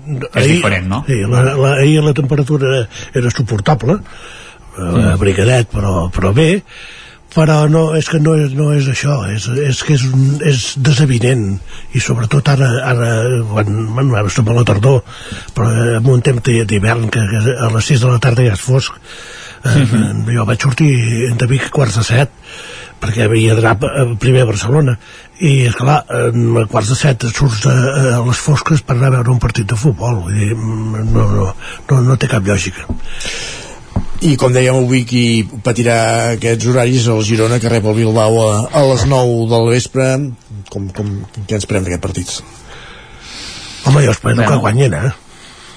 Jo també. Sí, l'any passat ja... ja, ja, ja, ja... l'altre de punxar i no sé, suposo que oh, aquest dia arribarà. Mm. Però més endavant, no? Potser ara encara estan en un moment efervescent. No, ara, jo, ara té, jo espero que, que guanyen els tres propers partits, el que tenen a, els ah, dos que tenen a casa i l'altre que jugaran a fora. A Montjuïc, vols dir? Sí. Jo espero que en, que en guanyin dos i n'empatin un, si pot ser, que això seria l'ideal, que guanyin en el, en el Barça i l'Atlètic de Bilbao i que empatin amb el, amb el València, i així el Madrid ja es posa líder, empatat a punts, em sembla, però, però, però es posa líder, que això seria lo, lo interessant i, això i bueno, ara sempre té... en el cas que el Madrid ho guanyi tot, clar Sí, bueno, però jo dono fet per fet que el Madrid ho guanyarà tot, eh, en aquest cas. Uh, en tot cas, el Girona té dos partits ara a casa seguits que aquest el, horaris deixant davant del tema horari que evidentment juga avui al, a les 9 del vespre que és un horari, un horari també molt desavinent i la, i la setmana següent em sembla que juga a les 2 de la tarda vull dir tampoc uh, del dissabte, que dius, mira, almenys és el dissabte, però a les dues de la tarda també potser és l'hora de, de dinar més que de jugar a futbol, però té dos partits claus si, si aconsegueix guanyar-los home, arribar en el partit contra el Barça per davant del Barça segurament ningú ho hagués dit tenint en compte que jugava el partit pràcticament al final de la primera volta i pot ser una cosa bueno, una mica his històrica en certa manera i ha d'aprofitar aquesta embranzida fins on li duri la gasolina a l'equip. Sobre ara ja ara ja està salvat vull dir, ara ja és impossible baixar de, de categoria, per tant s'ha de mirar cap a Europa com a mínim i, i aguantar, i si aguantes allò fins a les 10 jornades del final entre els tres primers amb sensació que pots guanyar la Lliga doncs home, eh, jo ho veig molt difícil que la guanyi la Lliga, fins i tot que quedi dels tres primers, però però de moment hi està, per tant són els altres equips els, els que estan per sota els que s'han de posar les piles Si Laia, creus que aquesta eh, davallada pot arribar van més d'hora que tard, per entendre'ns? Sí, sense desmereixer el, el Girona, eh, jo crec que està fent una gran temporada, però tampoc pot estar en, en el nivell que està. Eh, per una banda això, i per l'altra jo crec que és també culpa del Barça i del Madrid que no poden estar pendents de, del que faci el Girona. O el Barça i el Madrid crec que tenen una identitat i han d'estar per, per sobre d'això si volen guanyar una, una lliga. I el Girona no sé, és que m'està sorprenent molt eh? vull dir, si allò per, per estudiar dir, doncs, tenen una bona plantilla Uh, però clar, vull dir, que el que estan fent a més a més uh, remuntant resultats un, una setmana rere l'altra. El que dius, aquest any, aquesta setmana queixaran perquè estan perdent 2 a 0 o 3 a 0 al descans i després acabes al, al final del partit i, i han acabat doncs, donant la volta dius, ostres, uh, aquest ritme això algun dia ha, ha d'acabar no? i espero que no eh, uh, la veritat. Però, i, i que duri i sobretot també no, que juguin a, a Montjuïc i, i guanyin. Però jo, jo crec que això no que deia, que deia l'Isaac doncs arriben a les 10 últimes jornades però també penso que no, que no acabaran entre els tres primers quan arribi mm -hmm. Copa del Rei que hauran de jugar més d'un partit per setmana llavors potser la cosa es comença, es comença a complicar. Bueno, és que abans de jugar al Camp Nou en, eh, bueno, al Camp Nou eh, quina mania a Montjuïc, a Montjuïc. Eh, van a Oriola a jugar un partit de Copa del sí. Rei. Que dius, home, l'Oriola no, sí, però eh, la, la, ja sabeu la intensitat d'aquests equips. No, l'altra eliminatòria el, el Girona va haver de treure un pet de titulars per, per guanyar el partit, ja no sé, un camp d'aquests de, de, de, de segona federació. Uh -huh. Vull dir que uh -huh. la Copa del Rei no, no, no és cap tonteria. De, de, tenint en compte que, eh, esclar, vols continuar endavant, ets un equip de primera divisió i no et pots permetre el luxe de perdre eh, segons quins camps. Doncs llavors has d'arriscar una mica i llavors eh, hi ha la disjuntiva de que o Copa del Rei o, o tothom en Montjuïc eh, i no sé, és, és una mica complicat tot això que suposo que serà doncs, posar doncs, mm. sobre la, la taula què, què preferim, no? Si a la Lliga ja estem salvats, eh, doncs apostem doncs, ara per intentar anar a Europa, o, o doncs mira, com que ja tenim la salvació que era l'objectiu, doncs també ens faria gràcia guanyar una Copa del Rei, no? Mm, jo crec que ara és una -hmm. mica què, què volem. Que per cert, l'any sí, sí, passat no, només dir que el Girona va quedar, va quedar eliminat en la segona eliminatòria, em sembla, precisament contra un equip de, de segona B, Cacereño, vull dir que va passar la primera ronda com aquesta, com aquesta vegada contra també un equip així de segona federació patint, em sembla, si no recordo malament va, va haver de remuntar fins i tot l'any passat i aquest any bueno, veurem, veurem fins, fins on arriba la, a la Copa. Lai, eh, si vols eh, estrenar-te aquesta temporada pots fer-ho eh, de dimecres en 8 eh, Copa del Rei contra el Valladolid, un partit apassionant també. Sí, sí, sí. Clar, jo, jo amb el que deies de, dels horaris, clar, jo, jo, jo entenc i, i, i comparteixo la, la, la vostra postura dels horaris, no? però eh, amb els que estem treballant i acabem treballant tard, a mi, per exemple, un dilluns a les 9 del vespre em va de perles. Vull dir que el dilluns aquells possiblement si, i, si, si juguen a partir de les 8 del vespre i, i m'hi arribi. Oh, doncs, fàcil, perquè el dia 19, que és un dimarts, -hmm. juguem contra el Burgos, imagina't, a dos quarts, sí, de, deu del, a dos quarts de deu del vespre, no a les nou, no, a dos quarts de deu del vespre. Mm. Vull dir que, mm, bueno, eh, els que tirem amunt llavors ja pujarem amb esquís. Quasi bé. uh, abans parlàvem d'això, que l'Espanyol ha guanyat aquest cap de setmana, que l'important més és guanyar que, que jugar bé ara mateix i anar sumant. Uh, heu vist algun punt d'inflexió amb el canvi d'entrenador, Lluís, Laia? Tot. Tot, tot, tot, tot.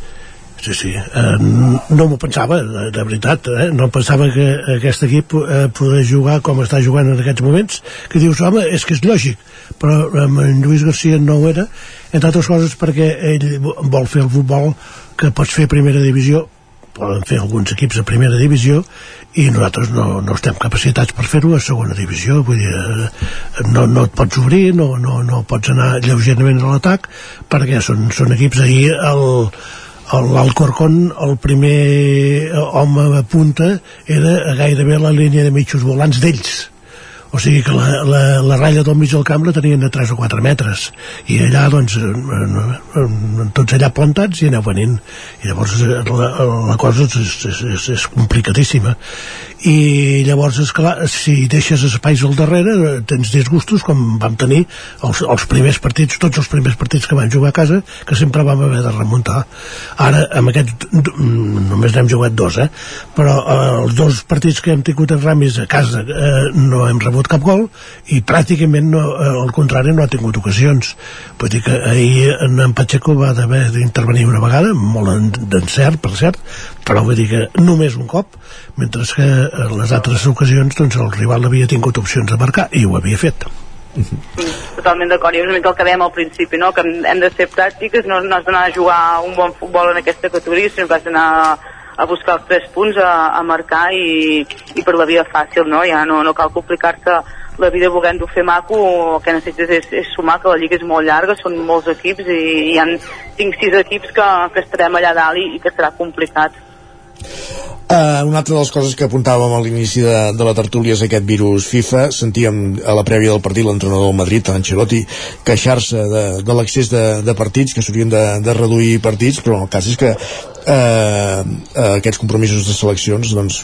a part de, hi ha hagut la, la sonada d'en Gavi del Barça que serà llarga, Ter Stegen també ha tornat a molèsties, no va poder jugar dissabte i el Madrid, déu nhi com està també la, la infermeria. Eh, aquest és un debat recurrent la cançó de l'enfadós després de cada finestra de, de seleccions pels equips que, que tornen amb, eh, que els hi tornen jugadors lesionats però que això no, no, no veig via de solució. No, no. Bueno, la, això és un altre però, el que, però, però el que et despunta un jugador eh, alguna selecció o altra te'l convoca sempre. Clar, heu de pensar una cosa que per exemple ara ja el pròxim Mundial em sembla que ja hi jugaran en comptes de 32 equips 48 equips. Mm, l'Eurocopa em sembla no sé, si no sé si es torna a ampliar o no no, no ho recordo, no ho sé però clar, si anem ampliant uh, partits de Mundial um, alguna cosa no estem fent bé. Uh, en tot cas s'han de reduir el tema de les, de les classificacions per, per tant per Eurocopes com per Mundials per fer-ho més fàcil. Fer grups en comptes de, no sé si són grups ara de 5 o 6 equips pues, pues de 4 equips i que, i, i que realment doncs, bueno, que, que no t'hagis d'enfrontar amb equips d'aquests també que tampoc li interessa massa a ningú Eh, de, de països que s'enfrontin una mica entre ells, que facin una fase prèvia i, i no sé, intentar fer, fer coses d'aquestes per evitar doncs, que, que els jugadors es carreguin de partits, perquè és que si no i, uh, clar, és que a més a més hi ha la, hi ha la competició també de, de, de Copa, que també està allà la Supercopa d'Espanya, de, de, el Mundial de Clubs que ara seran 32 equips em sembla el Mundial de Clubs o no sé quants equips quan fins ara n'eren 7 o 8 és que clar, és que no, no, no, no ho posen fàcil realment. Al final és normal que la gent es lesioni. És que és impossible que no es lesioni la, la setmana, 60 o 70 partits l'any. La setmana passada va enganxar el vol una tertúlia d'una ràdio mallorquina que parlaven de no sé quin jugador del Mallorca que havia anat convocat amb l'Argentina per no jugar i per no estar ni convocat pràcticament no? Ah. Eh, clar, els equips modestos doncs, tenen un jugador que despunta i també se'n senten d'aquesta situació no, i a més al final veuràs Andorra i Gibraltar jugant al Mundial sí, sí, eh, és que aquest pas seleccions d'aquest potencial jugant al Mundial perquè és clar, si van obrint de totes maneres eh, eh, els mateixos clubs s'haurien de fer mirar perquè eh, avui comencen els entrenaments i demà passat juguen el primer partit. I això si eh, algú m'explica que és normal doncs eh, si m'ho explica molt bé m'ho creuré, però de moment no m'ho crec de, o sigui, jo penso... estem parlant ja de les pretemporades, eh Lluís? De, sí, sí, però esclar, és la conseqüència d'això altre, eh? Sí, sí, i llavors vull dir que si fas 15 dies de, de preparació física eh, jo diria que és molt eh, és una, una manera de preparar la temporada físicament per als jugadors d'altra banda, si en Gavi s'ho hagués trencat el el, el creuat amb un entrenament eh, doncs no, el Barça no cobraria els 4 milions de, que, que cobrarà ara o més de 4 milions que cobrarà ara de, de, de, la, de, la, de la FIFA uh mhm. -huh. eh? vull dir que clar, són coses la, la meva pregunta és en Gavi s'hauria trencat el, el creuat igual amb un entrenament o amb un partit de, del Barça o sigui el, el, el cos la, en aquest cas el, el, la cama de, de, de, de Gabri estava, estava ja amenaçada o no, no, esclar, és una cosa que no sabrem però, no sabrem. però podria bueno, ser eh? també va ser un, un cop no? va ser a partir d'un cop ell, eh, l'entrenador deia que no que no havia estat per l'entrada però queda bastant clar que és per una entrada d'un contrari no ho sé, després ell diu que no eh? però, però bueno uh, i ell segueix jugant també vull dir, aquí també els metges li haurien d'haver dit escolta, pare, que o sigui, no, no van fer bé la seva feina tampoc. Sí, però si tornem més enrere hi ha el cas d'en de, Pedri, que aquell estiu que ho va voler jugar tot, i el Barça sempre se n'ha sentit d'aquell estiu de, de voler jugar al Mundial i voler disputar els Jocs Olímpics sí. i l'Eurocopa i tot plegat. Bueno, és que en Pedri va passar de tenir 18 anys a tenir-ne 29 Clar, amb sí, aquell sí. estiu. Però algú li havia de dir, dir no tens perquè en els Jocs Olímpics i, no, i l'Anso Fati. Exacte Sí, l'Anso Fati, ara està triomfant. Sí, és clar, amb un nano, que, això que dius, amb un nano de 16 anys, li fas fer coses de 26 i ja està, ja som. I ja està. doncs eh, són diversos aspectes de, de l'actualitat hi ha Champions aquesta setmana o encara o no ara? Sí, no? No ho sé, el Madrid ja està classificat ah, ja, ja. mare Déu senyor no, és que és veritat, em sap greu el Barça sí que s'ha de preocupar, nosaltres no el Barça juga demà, penso, eh? Sí, contra el Nàpols, no? Poder el Madrid. No, contra el potent... Eh, a l'Oporto, el Barça. Sí, el tot poderós Porto, que, que et sembla Pelé, és campió. És campió, sempre és interessant, no? sentir l'himne abans de començar els partits uh, i ara sí, ha d'arribar la classificació home, no patiu tot arribarà oh, ja veurà no? Bueno, ja Bueno, bueno avui l'audiència amb tant perico eh, l'audiència aquest oh, s'ha mantingut, ja t'ho dic. Les, oh, les poques dades que tinc. I, i s'ha augmentat i tot perquè ho, ho, hem fet interessant, oh, oh, oh. ho hem fet interessant. Dos, dos pericos amb una tertúlia en, és igual qualsevol emissora de ràdio de Catalunya és, és un miracle. Gràcies Lluís. gràcies Laia, gràcies Isaac. Gràcies. Ah, i aquí acabem el territori 17 d'avui dilluns 27 de novembre de 2023 amb aquesta tertúlia singular, com diria Lluís de Planell. Us hem acompanyat des de les 9, Pepa Costa, Enric Rubio, Roger Rams, Isaac Montada, Guillem Sánchez, Laia Miralpeix, Lluís de Planell, Sergi Vives i Isaac Moreno. I tornem demà a les 9. Fins aleshores, bon dilluns i gràcies per ser-hi. Adéu-siau. Territori 17, un magazín del nou FM, Ona Codinenca, Ràdio Cardedeu, Ràdio Vic i La Veu de Sant Joan, amb el suport de la xarxa.